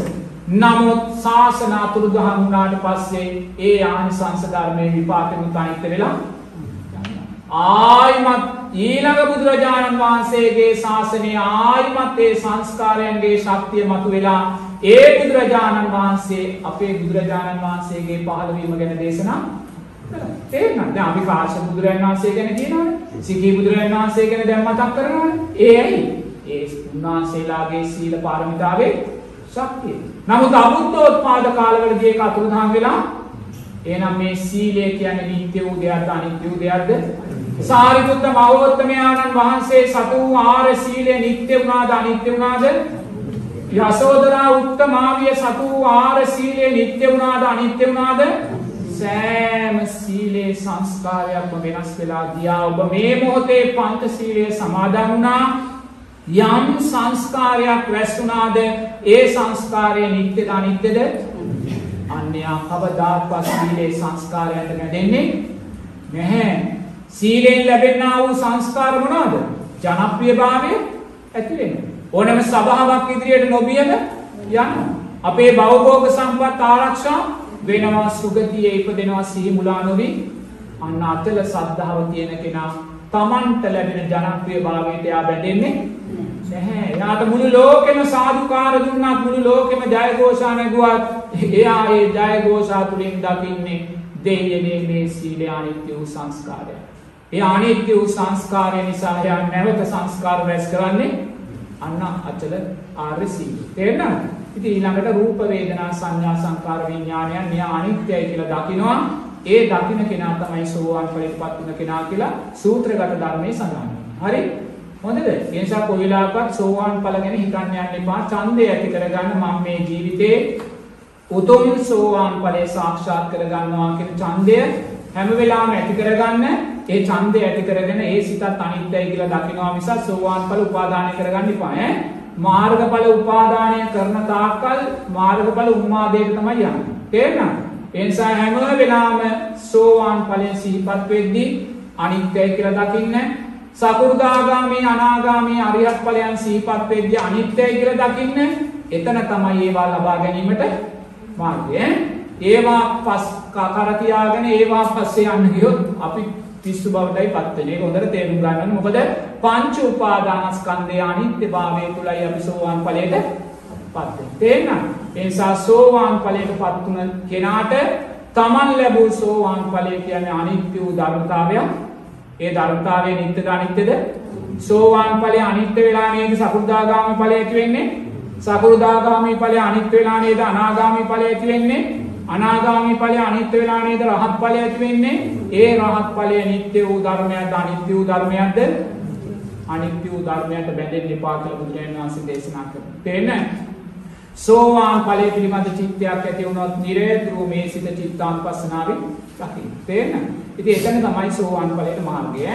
මාර්ගඵල උපාදේ නම් ඇති කරගන්න එක. තාම මොකක්ද අහන්නේ? සන්නාස ගමනේ සන්නාස අපි මේ ආත්මේ දැන් ජීවත් වෙලා ඉන්නකොට අපිට යම් යම් තැන්වලදී හිතා ගන්න පුළුවන් නේද පෙර ආත්මේ අපි සාමාන්‍යයෙන් මේ මේ කටයුතු කරලා නැති නිසා අපිට මේ දේවල් ලැබිලා නැහැ ඒ. විදිහට හිතා ගන්න පුළුවන් ඒක තමයි නුවණින් මෙනෙහි කිරීම කියන්නේ. ධර්මයට අදාළව යන නුවණින් මෙනෙහි කරනවා. තේරෙනවද? එයා දකිනවා දානීය ආනිසංස මොනවද? ආයුෂ වර්ණයේ සැපේ. ඔබට ආයුෂ වර්ණයේ සැපේ බලය දුර්වල නම් ඔබ ආණ්ඩුවට බයින්න යන්නේ නැහැ. ඔබේ අම්මා තාත්තට ඔබට දීපල දුන්නේ නැහැ කියලා අම්මා තාත්තත් එක්ක ගැටෙන්න යන්නේ නැහැ. ඔබේ මහත්තයාට ලොකු ආදායමක් නැහැ කියලා මහත්තයාත් එක්ක ගැටෙන්න යන්නේ ඔබ දන්නවා මට ආයුෂ වර්ණයේ සැපේ බලය දුන්නේ මම පෙර ජීවිතේ දානේ අන්න නුවණින් මෙහෙම. තේරෙනවද? ඔබට මේ ජීවිතේ ජනප්‍රියභාවය දුර්වල නම් ඔබ හැම වෙලාවම කෙනෙක් ඔබට මේ මේ මුල් තැනක් දෙන්නේ නැත්නම් ඔබ යත් එක්ක සම්ඩු වෙන්න යන්නේ නැහැ. තේරෙනවද? ඔබ දන්නවා මගේ ජනප්‍රියභාවය දුර්වල වුණේ පෙර සීලේ තියෙන ආ දුර්වලභාවයන් ඔබ සීලය තුල ශක්තිමත් වෙනවා. තේරෙනවද? ඔබ සීලය තුල ශක්තිමත්. ඔබේ ජීවිතේට නිරතුරුවම කේන්ති එනවා නම් ගැටීම් එනවා නම් වෛරය එනවා නම් ව්‍යාපාද එනවා නම් ඔබ දකිනවා පෙර ජීවිතේ මගේ මෛත්‍රිය ඔබ මෛත්‍රිය තුල තේරෙන්න වෙන්න ඕන ආරෂ්ඨාංගික මාර්ගයට අදාළව නුවණින් මෙනෙහි කරලා ඔබ වැරදි නිවැරදි කරගෙන මාර්ගයේ ශක්තිමත් වෙනවා ඈ ඒවා ඉතින් තමා තුළින් තමන් දකින්න නිහතමානී කියන්නේ ඒක ලොකු දෙයක් ඈ මොකද එහෙම දකින්නේ නැහැනේ සමහරු නේද අපිට ආයුෂ වර්ණයේ සැපේ දුර්වල නම් අපි ආණ්ඩුවටයි බයින්නේ නැත්නම් අම්මා තාත්තට දොස් කියනවා අපිට හම්බ කරලා දුන්නේ නැහැ කියලා. නැත්නම් මහත්තයාට දොස් කියනවා. දොර කියාවා. ඒකට පුතේ කාටවත් දොස් කියලා වැඩක්. ඒ අපිට ලැබිලා තියෙනවා. තේන්න? අපිට කවදාකවත් මේ නොලැබෙන්න තියෙන දෙයක් ලැබිලත් නැහැ. ලැබෙන්න තියෙන දෙයක් නොලැබිලා අපි කරපු දේ අපිට ලැබිලා තියෙනවා. අපි කරපු දේ අපිට අකමැති නම් ඒක හොඳ නැත්නම් ඔබ දක්ෂ වෙන්න ආර්ය අෂ්ටාංගික මාර්ගයේ ශක්තිමත් කරගෙන ඔබ කැමති කැමති දේ ලබන්න. තේරෙනවද? ඒ දේ මේ ජීවිතේ නොලැබෙන්න පුළුවන්. නමුත් ඔබට ඊළඟ ජීවිතේදී ඔබ මෙතන ඉඳගෙන ප්‍රාත් ඔබට ඕනේ සුන්දර ධනවත් මිනිසෙක් වෙන්න නම් මාර්ගයේ තියෙන අරෂ්ඨාංගික මාර්ගය. ඒත එතන ඔබ කරන්න ඕනේ මොකද්ද? ඔබට සුන්දර මනුස් ඊළඟ ජීවිතේ කෝටිපති මිනිසෙක් වෙන්න ඕනේ නම් ඒ කෝටිපති මනුස්ස ජීවිතේ උපාදානය කරගෙන තව තව සද්ධා වැඩි කරගන්න. තව තව සීලේ ශක්තිමත් කරගන්න. තව තව දන් දෙන්න. තව තව මෛත්‍රිය වඩන්න. අර කෝටිපති ජීවිතේම උපාදානය කරගන්න. ඒ කෝටිපති ජීවිතේම වඩන්නේ කෝටිපති ජීවිතය තුළට මම යනවා කියන තෘෂ්ණා උපාදානය ඇති කරගන්න. අනිවාර්යයෙන්ම ඔබට මරණාසන්න මොහොතේ උපාදානය සකස් වෙලා කෝටිපති පවුලක දරුවෙක් වෙලා උපදින නමුත් ඉතින් ඒ සංස්කාරයක් අනිත්‍යයි ඈ. ඉතින් එහෙම තමන්ට පුළුවන් දරුවෝ නුවණින් මෙනෙහි කරලා විශ්ල ගන්න. දැන් හරිද? තව මොනාරි තියෙනවද අන්න? තව එක ප්‍රශ්නයක් අහන්න මොකද 10 මාට නවත්තන්න වෙනවා. කියන්නේ. ඔව්. රෝගල් අදිසි අනුකූල කරගන්න වෙන රෝහල්ගත වෙලා එක්සත් කාර්යයකදී සිටින දෙවියන් සම්බන්ධව වෛද්‍යවරු කියනවා ඔහුගේ මුලේ මියගිනි. ඔව්. එසේම සම්මත අසකම් මාසයේ දිවක් පහේ විඥානය ක්‍රියාකාරීත්වය කොයි ආකාරයෙන් සිද්ධ වෙන්නේ? මෙහෙමයි පුතේ ඉතින් මොලේ මැරුණායි කියන කාරණා නෙමෙයි දැන් මැරිච්ච කෙනෙකුට මේ මැෂිමක් ගහලා ජී- මේ ජීවත් කරනවා කියන කාරණේ සිද්ධ වෙන්නේ නැහැ. තේරෙනවද? විඥානය දැන් කෙනෙකුගේ ජීවිතය කියන්නේ කාරණා තුනක් තියෙනවානේ. එකක් පටිච්චසමුප්පන්න විඥාන. තේරෙනවද? දෙක උණුසුම. තුන ආයුෂ. තේරෙනවද? මේ තුනම බැහැර වෙච්ච විඥානය බැහැර වෙච්ච මේ තුනම එකට බැඳිලායි තියෙන කියලා බුදුරජාණන් වහන්සේ දේශනා කරනවා. තේරෙනවද? විඥානයේ පටිච්ච සමුප්පන්න උපතකට ගියාම පටිච්ච සමුප්පන්න තේන උණුසුමත් ආයුෂය ඉවරයි. තේන දැන් මොකක්ද ඒක? මලකඳ තේන එතකොට මලකඳකට මැෂින් එකක් ගහලා මේ දවස් 5 10 තියාගන්න බෑ. හරිද? මලකඳේ හෘද ස්පන්දනය වැඩෙන්න පුළුවන්. නමුත් ශරීරය කුණු වෙන්න පටන් ගන්න. මොකද ආයුෂය මේ මේ මේ උණුසුම නැහැ තේරෙනවද? ඉතින් මේ මැෂින් එකේ තියෙනවා කියන්නේ පුතේ විඥානය තාම බැහැර වෙලා නැහැ. යම් ධර්මානුකූලව මැරු- මැරුණා කියලා කියන්න බෑ. මේ පටිච්චසමුප්පන්න විඥානෙ. තේරෙනවද? ඒක කාය විඥානය තුල හෝ මනෝ විඥානය තුල හෝ බැසගෙන තාම බැහැරට ගිහිල්ලා මරණය සිද්ධ වෙලා නැහැ. තේරෙනවද? ඉතින් ඒ නිසා එවැනි කෙනෙක් මරණ මැරෙන මොහොතේ අපිට නොපෙනුනාට එයාට දරුවෝ මොකක්කෝ චිත්තයක් ඇති වෙනවා. තේරෙනවද? ඒක අපිට පේන්නේ නැහැ. තේරෙනවද? අපිට පේන්නේ නැහැ. ඒ මයා මරණාසන්න මොහොතේ එක්ක එයාට ආලෝකයක් ඇති වෙන්න පුළුවන්. තේරෙනවද? එක්ක ආලෝකයක් ලැබුණොත් මොකක්ද එයාට වෙන්නේ? එයා සුගතියක ඉපදෙනවා. මොකද ආලෝකයක් පේන්නේ එයා පින පිනක් වැඩි නම් ඈ.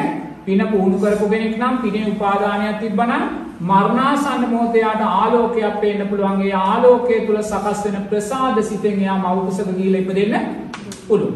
එහෙම නැත්නම් එයා අකුසල් චිත්ත. දැන් ඔහොම ඇයට හුඟක් වෙලාවට අකුසල් එන්න තියෙන අවස්ථා වැඩි. මොකද එයා විපාක දෙන්නේ අකුසලයක්. අකුසල් මතුවෙන්නේ තව අකුසල් කරන්න තේරෙනවද සිදු කරලා දෙන නිසා මරණාසන්න මොහොතේ අකුසල් පක්ෂයේ බලවත් භාවය නිසා එයාට අඳුරක් පේන්න අඳුරක් දැක්කොත් එයා බියටපත් වෙලා සතර අපායටයි තේරෙනවද ඒ නිසා එවැනි කෙනෙක්ගේ මරණයක් ගැන අපි හිතන්න අවශ්‍ය නැහැ. තේරෙනවද ඒක හරිම සංකීර්ණයි. අපිට තියෙන්නේ මම ඒ විදිහට මැරෙන්න පුළුවන් කියන කාරණය තේරුම් ගන්න. එහෙනම් දැන් මට මම මට මම කොහොම මැරෙයි කියලා මන් දන්නවද? ඈ ඔය දැඩි සත්කාර ඒකක එක කටට නහයට ඇඟට බට ගහගෙන මරණාසන්න මොහොතේ මාස ගාණක් ඉඳලා මම මැරෙන්න පුළුවන්ද බැරිද? පුළුවන්. තේන්න. ඒ නිසා එවැනි රෝගියෙක් තුලින් අපි දකින්න ඕනේ රෝගියාගේ ওই සංකීර්ණ ජීවන චක්‍රේ නෙමෙයි. මේ අකුසල් සංස්කාරයේ තියෙන බලවත් අනු බලවත් බව. තේන්න. අපි අර අර විතර්කයන් කරා ගියොත් අපිට සැබෑ මේ මේ අරමුණෙන් බැහැරට යන්න සැබෑ හේතුවෙන් බැහැරට යනවා. තේරෙනවද? ඒ නිසා අපි හැම වෙලාවෙම හිතන්නේ මරණාසන්න ලෙඩෙක් දැක්කොත් ඒ මරණාසන්නව දුක් විඳින ලෙඩෙක් දැක්කොත් අනේ අපොයි කියනවා මිසක් මමත් මේ විදියට මැරෙන්න වෙයි කියලා හිතන්නේ ඒ තැනෙන් අපි තාම මිදිලා නැහැ. මිදිලා නැහැ. ඒ නිසා එවැනි මරණයන් දැක් දකිද්දී අර වගේ සංකීර්ණ ප්‍රශ්නාවලි වලට යන්න යන්න එපා. ඒකේ අපිට තේරුමක් නැහැ. තේරෙනවද? මොකද අපි මේ ධර්මයේ උපයෝගී කරගන්න ඕනේ අපේ ජීවිතේ අපි උපයෝගී කරගන්න ඕන මාර්ගයේ වැඩෙන දිශාවට. මාර්ගය තුල විචිකිච්ඡා ඇති වෙන දිශාවට නෙමෙයි සැකය ඇති වෙන දිශාවට නෙමෙයි. දැන් ඔවෙනි ප්‍රශ්න වලට නිශ්චිත පිළිතුරක් දෙන්න පුළුවන් බුදුරජාණන් වහන්සේ නමකට විතරයි. තේරෙනවද? ඉන් මෙහා කාටවත් නිශ්චිත පිළිතුරක් දෙන්න බැහැ. ඉන් මෙහා අපි පිළිතුරු දෙන්න පුළුවන් ධර්මයට අදාළව අපිට මේ දේ කියන්න පුළුවන්. තේරෙනවද? එනකන් ඒ නිසා එවැනි දේවල් වලින් අපි හැම වෙලාවෙම හිතන එක බැහැර වෙන්න ඕනේ. එවැනි දේවල් වලින් නැති කෙලෙස් අපි තුල ඇති වෙන්න නැති විචිකිච්ඡාවන් සැකයන් අපි තුල ඇති වෙන්න පුළුවන්. ඒ නිසා හැම වෙලාවෙම එවැනි දෙයක් දැක්කොත් ඔය අසාධාරණ මරණයක් ওই විදිහට දැක්කොත් ඒ වගේම මේ මේ අනතුරුදායක මරණයක් අපි දැක්කොත් දුක් විඳින මරණයක් දැක්කොත් ඒ මරණය තුලින් අපි දකින්න ඕනේ මෙවැනි මරණකින් මං තාම මිදිලා නැහැ. මේ මෙවැනි විකෘති මරණයක් කියන්නේ අකුසලේම ඵලයක්. අකුසලේම ඵලයක් ඒක මට වුණත් තව කෙනෙකුට උනත් ඒක ඇත්ත එච්චරයි. එවැනි අකුසලයක ඵලයක් නම් මේවැනි මරණ මම කුසලයේ තුල ශක්තිමත් වෙනවා කියලා ආරෂ්ඨාංගික මාර්ගය තුල ශක්තිමත් වෙන්නයි. මම මෙවැනි මරණයක් මට නොලැබේවා මට සිහි මුලා නොවුණු. සිහි මුලාවට පත්වෙන මරණය ලැබෙන කුමක් නිසාද? සීලේ දුර්වලභාවය මෛත්‍රියේ දුර්වලභාවය දානයේ දුර්වලභාවය අන්න ඵලෙ තියෙනවා. තේරෙනවද? එහෙනම් දැන් එවැනි මරණයක් තුලින් අපි දකින්න ඕනේ ඒකයි. ඇයි මේ සිහි මුලාවටපත් වෙලා මැරෙන්නේ? මේ ජීවිතයේ හෝ පෙර ජීවිතයේ සීලය අන්න තැන මාත්‍ය. තේරෙනවද? සුන්දර තැනක්. තේරෙනවද?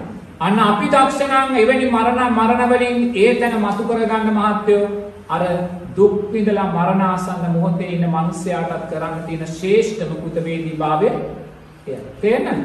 ඒ නිසා හැම වෙලාවෙම එවැනි සංකීර්ණ තැන් ගැන හිතන්න යන්න එපා. තේරෙනවද? ඒවා හිතීමේ නැති කෙලෙස්, නැති සැක, නැති විචිකිච්ඡා පුදුල ඇති වෙන්න පුළුවන්. ඒ නිසා අපි දකින්න ඕනේ මෙවැනි මරණයකට හේතුව සීලේස්, මෛත්‍රියේ, දානයේ දුර්වලභාවයන්මයි.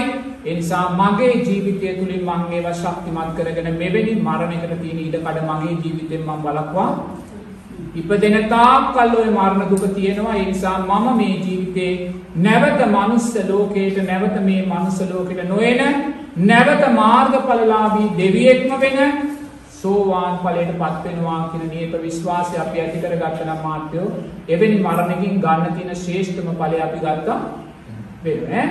දැන් හරි නේද? දැන් සාදුකාරයක් දෙන්න. පින්වතුන් අප්‍රමාණ සතුටටපත් වෙන්න මේ මොහොතේ මේ උතුම් ධර්ම සාකච්ඡාමය පින්කම සිද්ධ කිරීමෙන් මේ රැස් කරගත්තා වූ සෑම පිනක්ම මුලින්ම මේ කටයුත්ත සඳහා ඒ කල්යාණ මිත්‍ර භාවයෙන් අපට උපකාරක ධර්මයන් මේ අවසර ධර්මයන් සකස් කොට දුන්.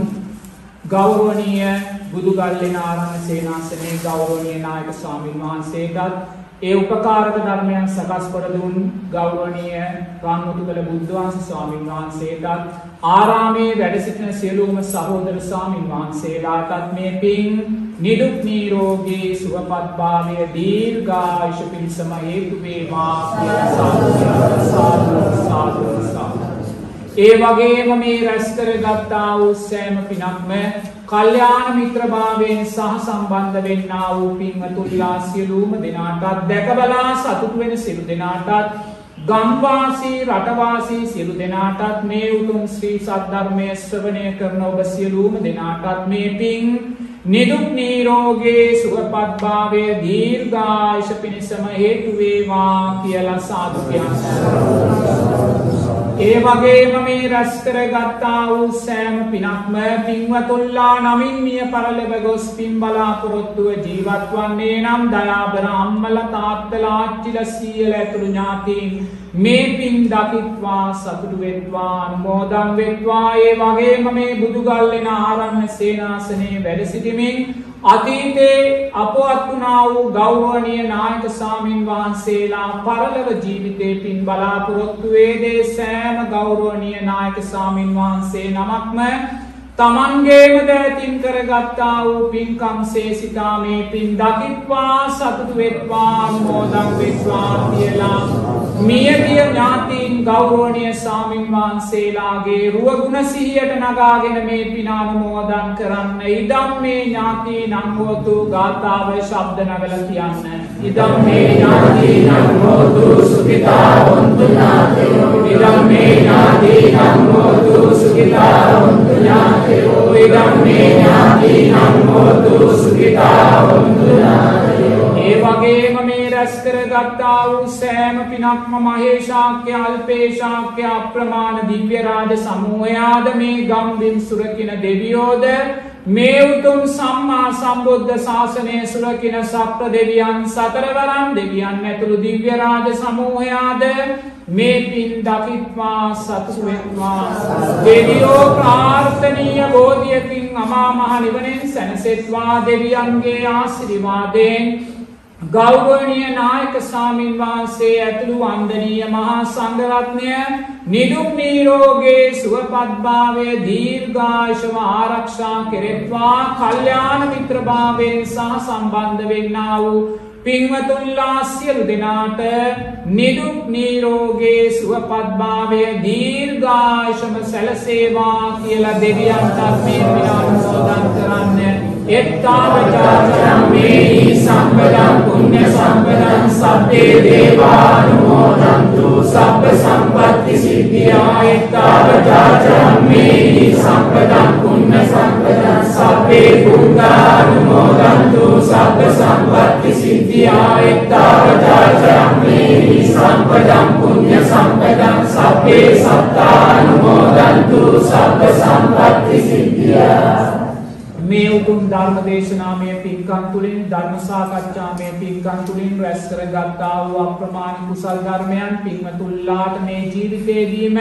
උතුම් චතුරාර්ය සත්‍ය ධර්මයන් දැකීමට අවබෝධ කිරීමට මේ පින් උත්තම ශක්තියක් වේවා කියලා සාකච්ඡා සබ්බීතියෝ ව්‍යජ්ජන්තු සබ්බ රෝගෝ විනස්සතු මාතේ පවත්වන්තරායෝ සුඛී දීර්ඝායුකෝ භවය අභිවාදන සීලිස්ස නිච්ඡං වෙජ්ජාපජායිනෝ චත්තාරෝ ධම්මා වඩ්ඩන්ති ආයුවන්නෝ සුඛං බලන්න ආයුරාරෝග්‍ය සම්පatti සග්ග සම්පatti මේවච අතෝ නිබ්බාන සම්පatti මිනාතේ සමිච්ඡතු තෙරුවන් සරණින් දෙවියන්ගේ ආශිර්වාදයෙන් ජයශ්‍රී මහා බෝසමිදුන් වහන්සේගේ සන්නමාලී මහා සෑ සමුදුන් වහන්සේගේ අනන්ත බුදුගුණ බලයෙන් ගෞරවනීය නායක ස්වාමින් වහන්සේ ඇතුළු වන්දනීය මහා සංඝරත්නයටත් කල්යාණ මිත්‍රභාවයෙන් සහ සම්බන්ධ වෙන පින්වතුල්ලා සියලු දෙනාටත් ගම්වාසී රටවාසී සියලු දෙනාටත් මේ පින් නිදුක් නීරෝගේ සුවපත්භාවය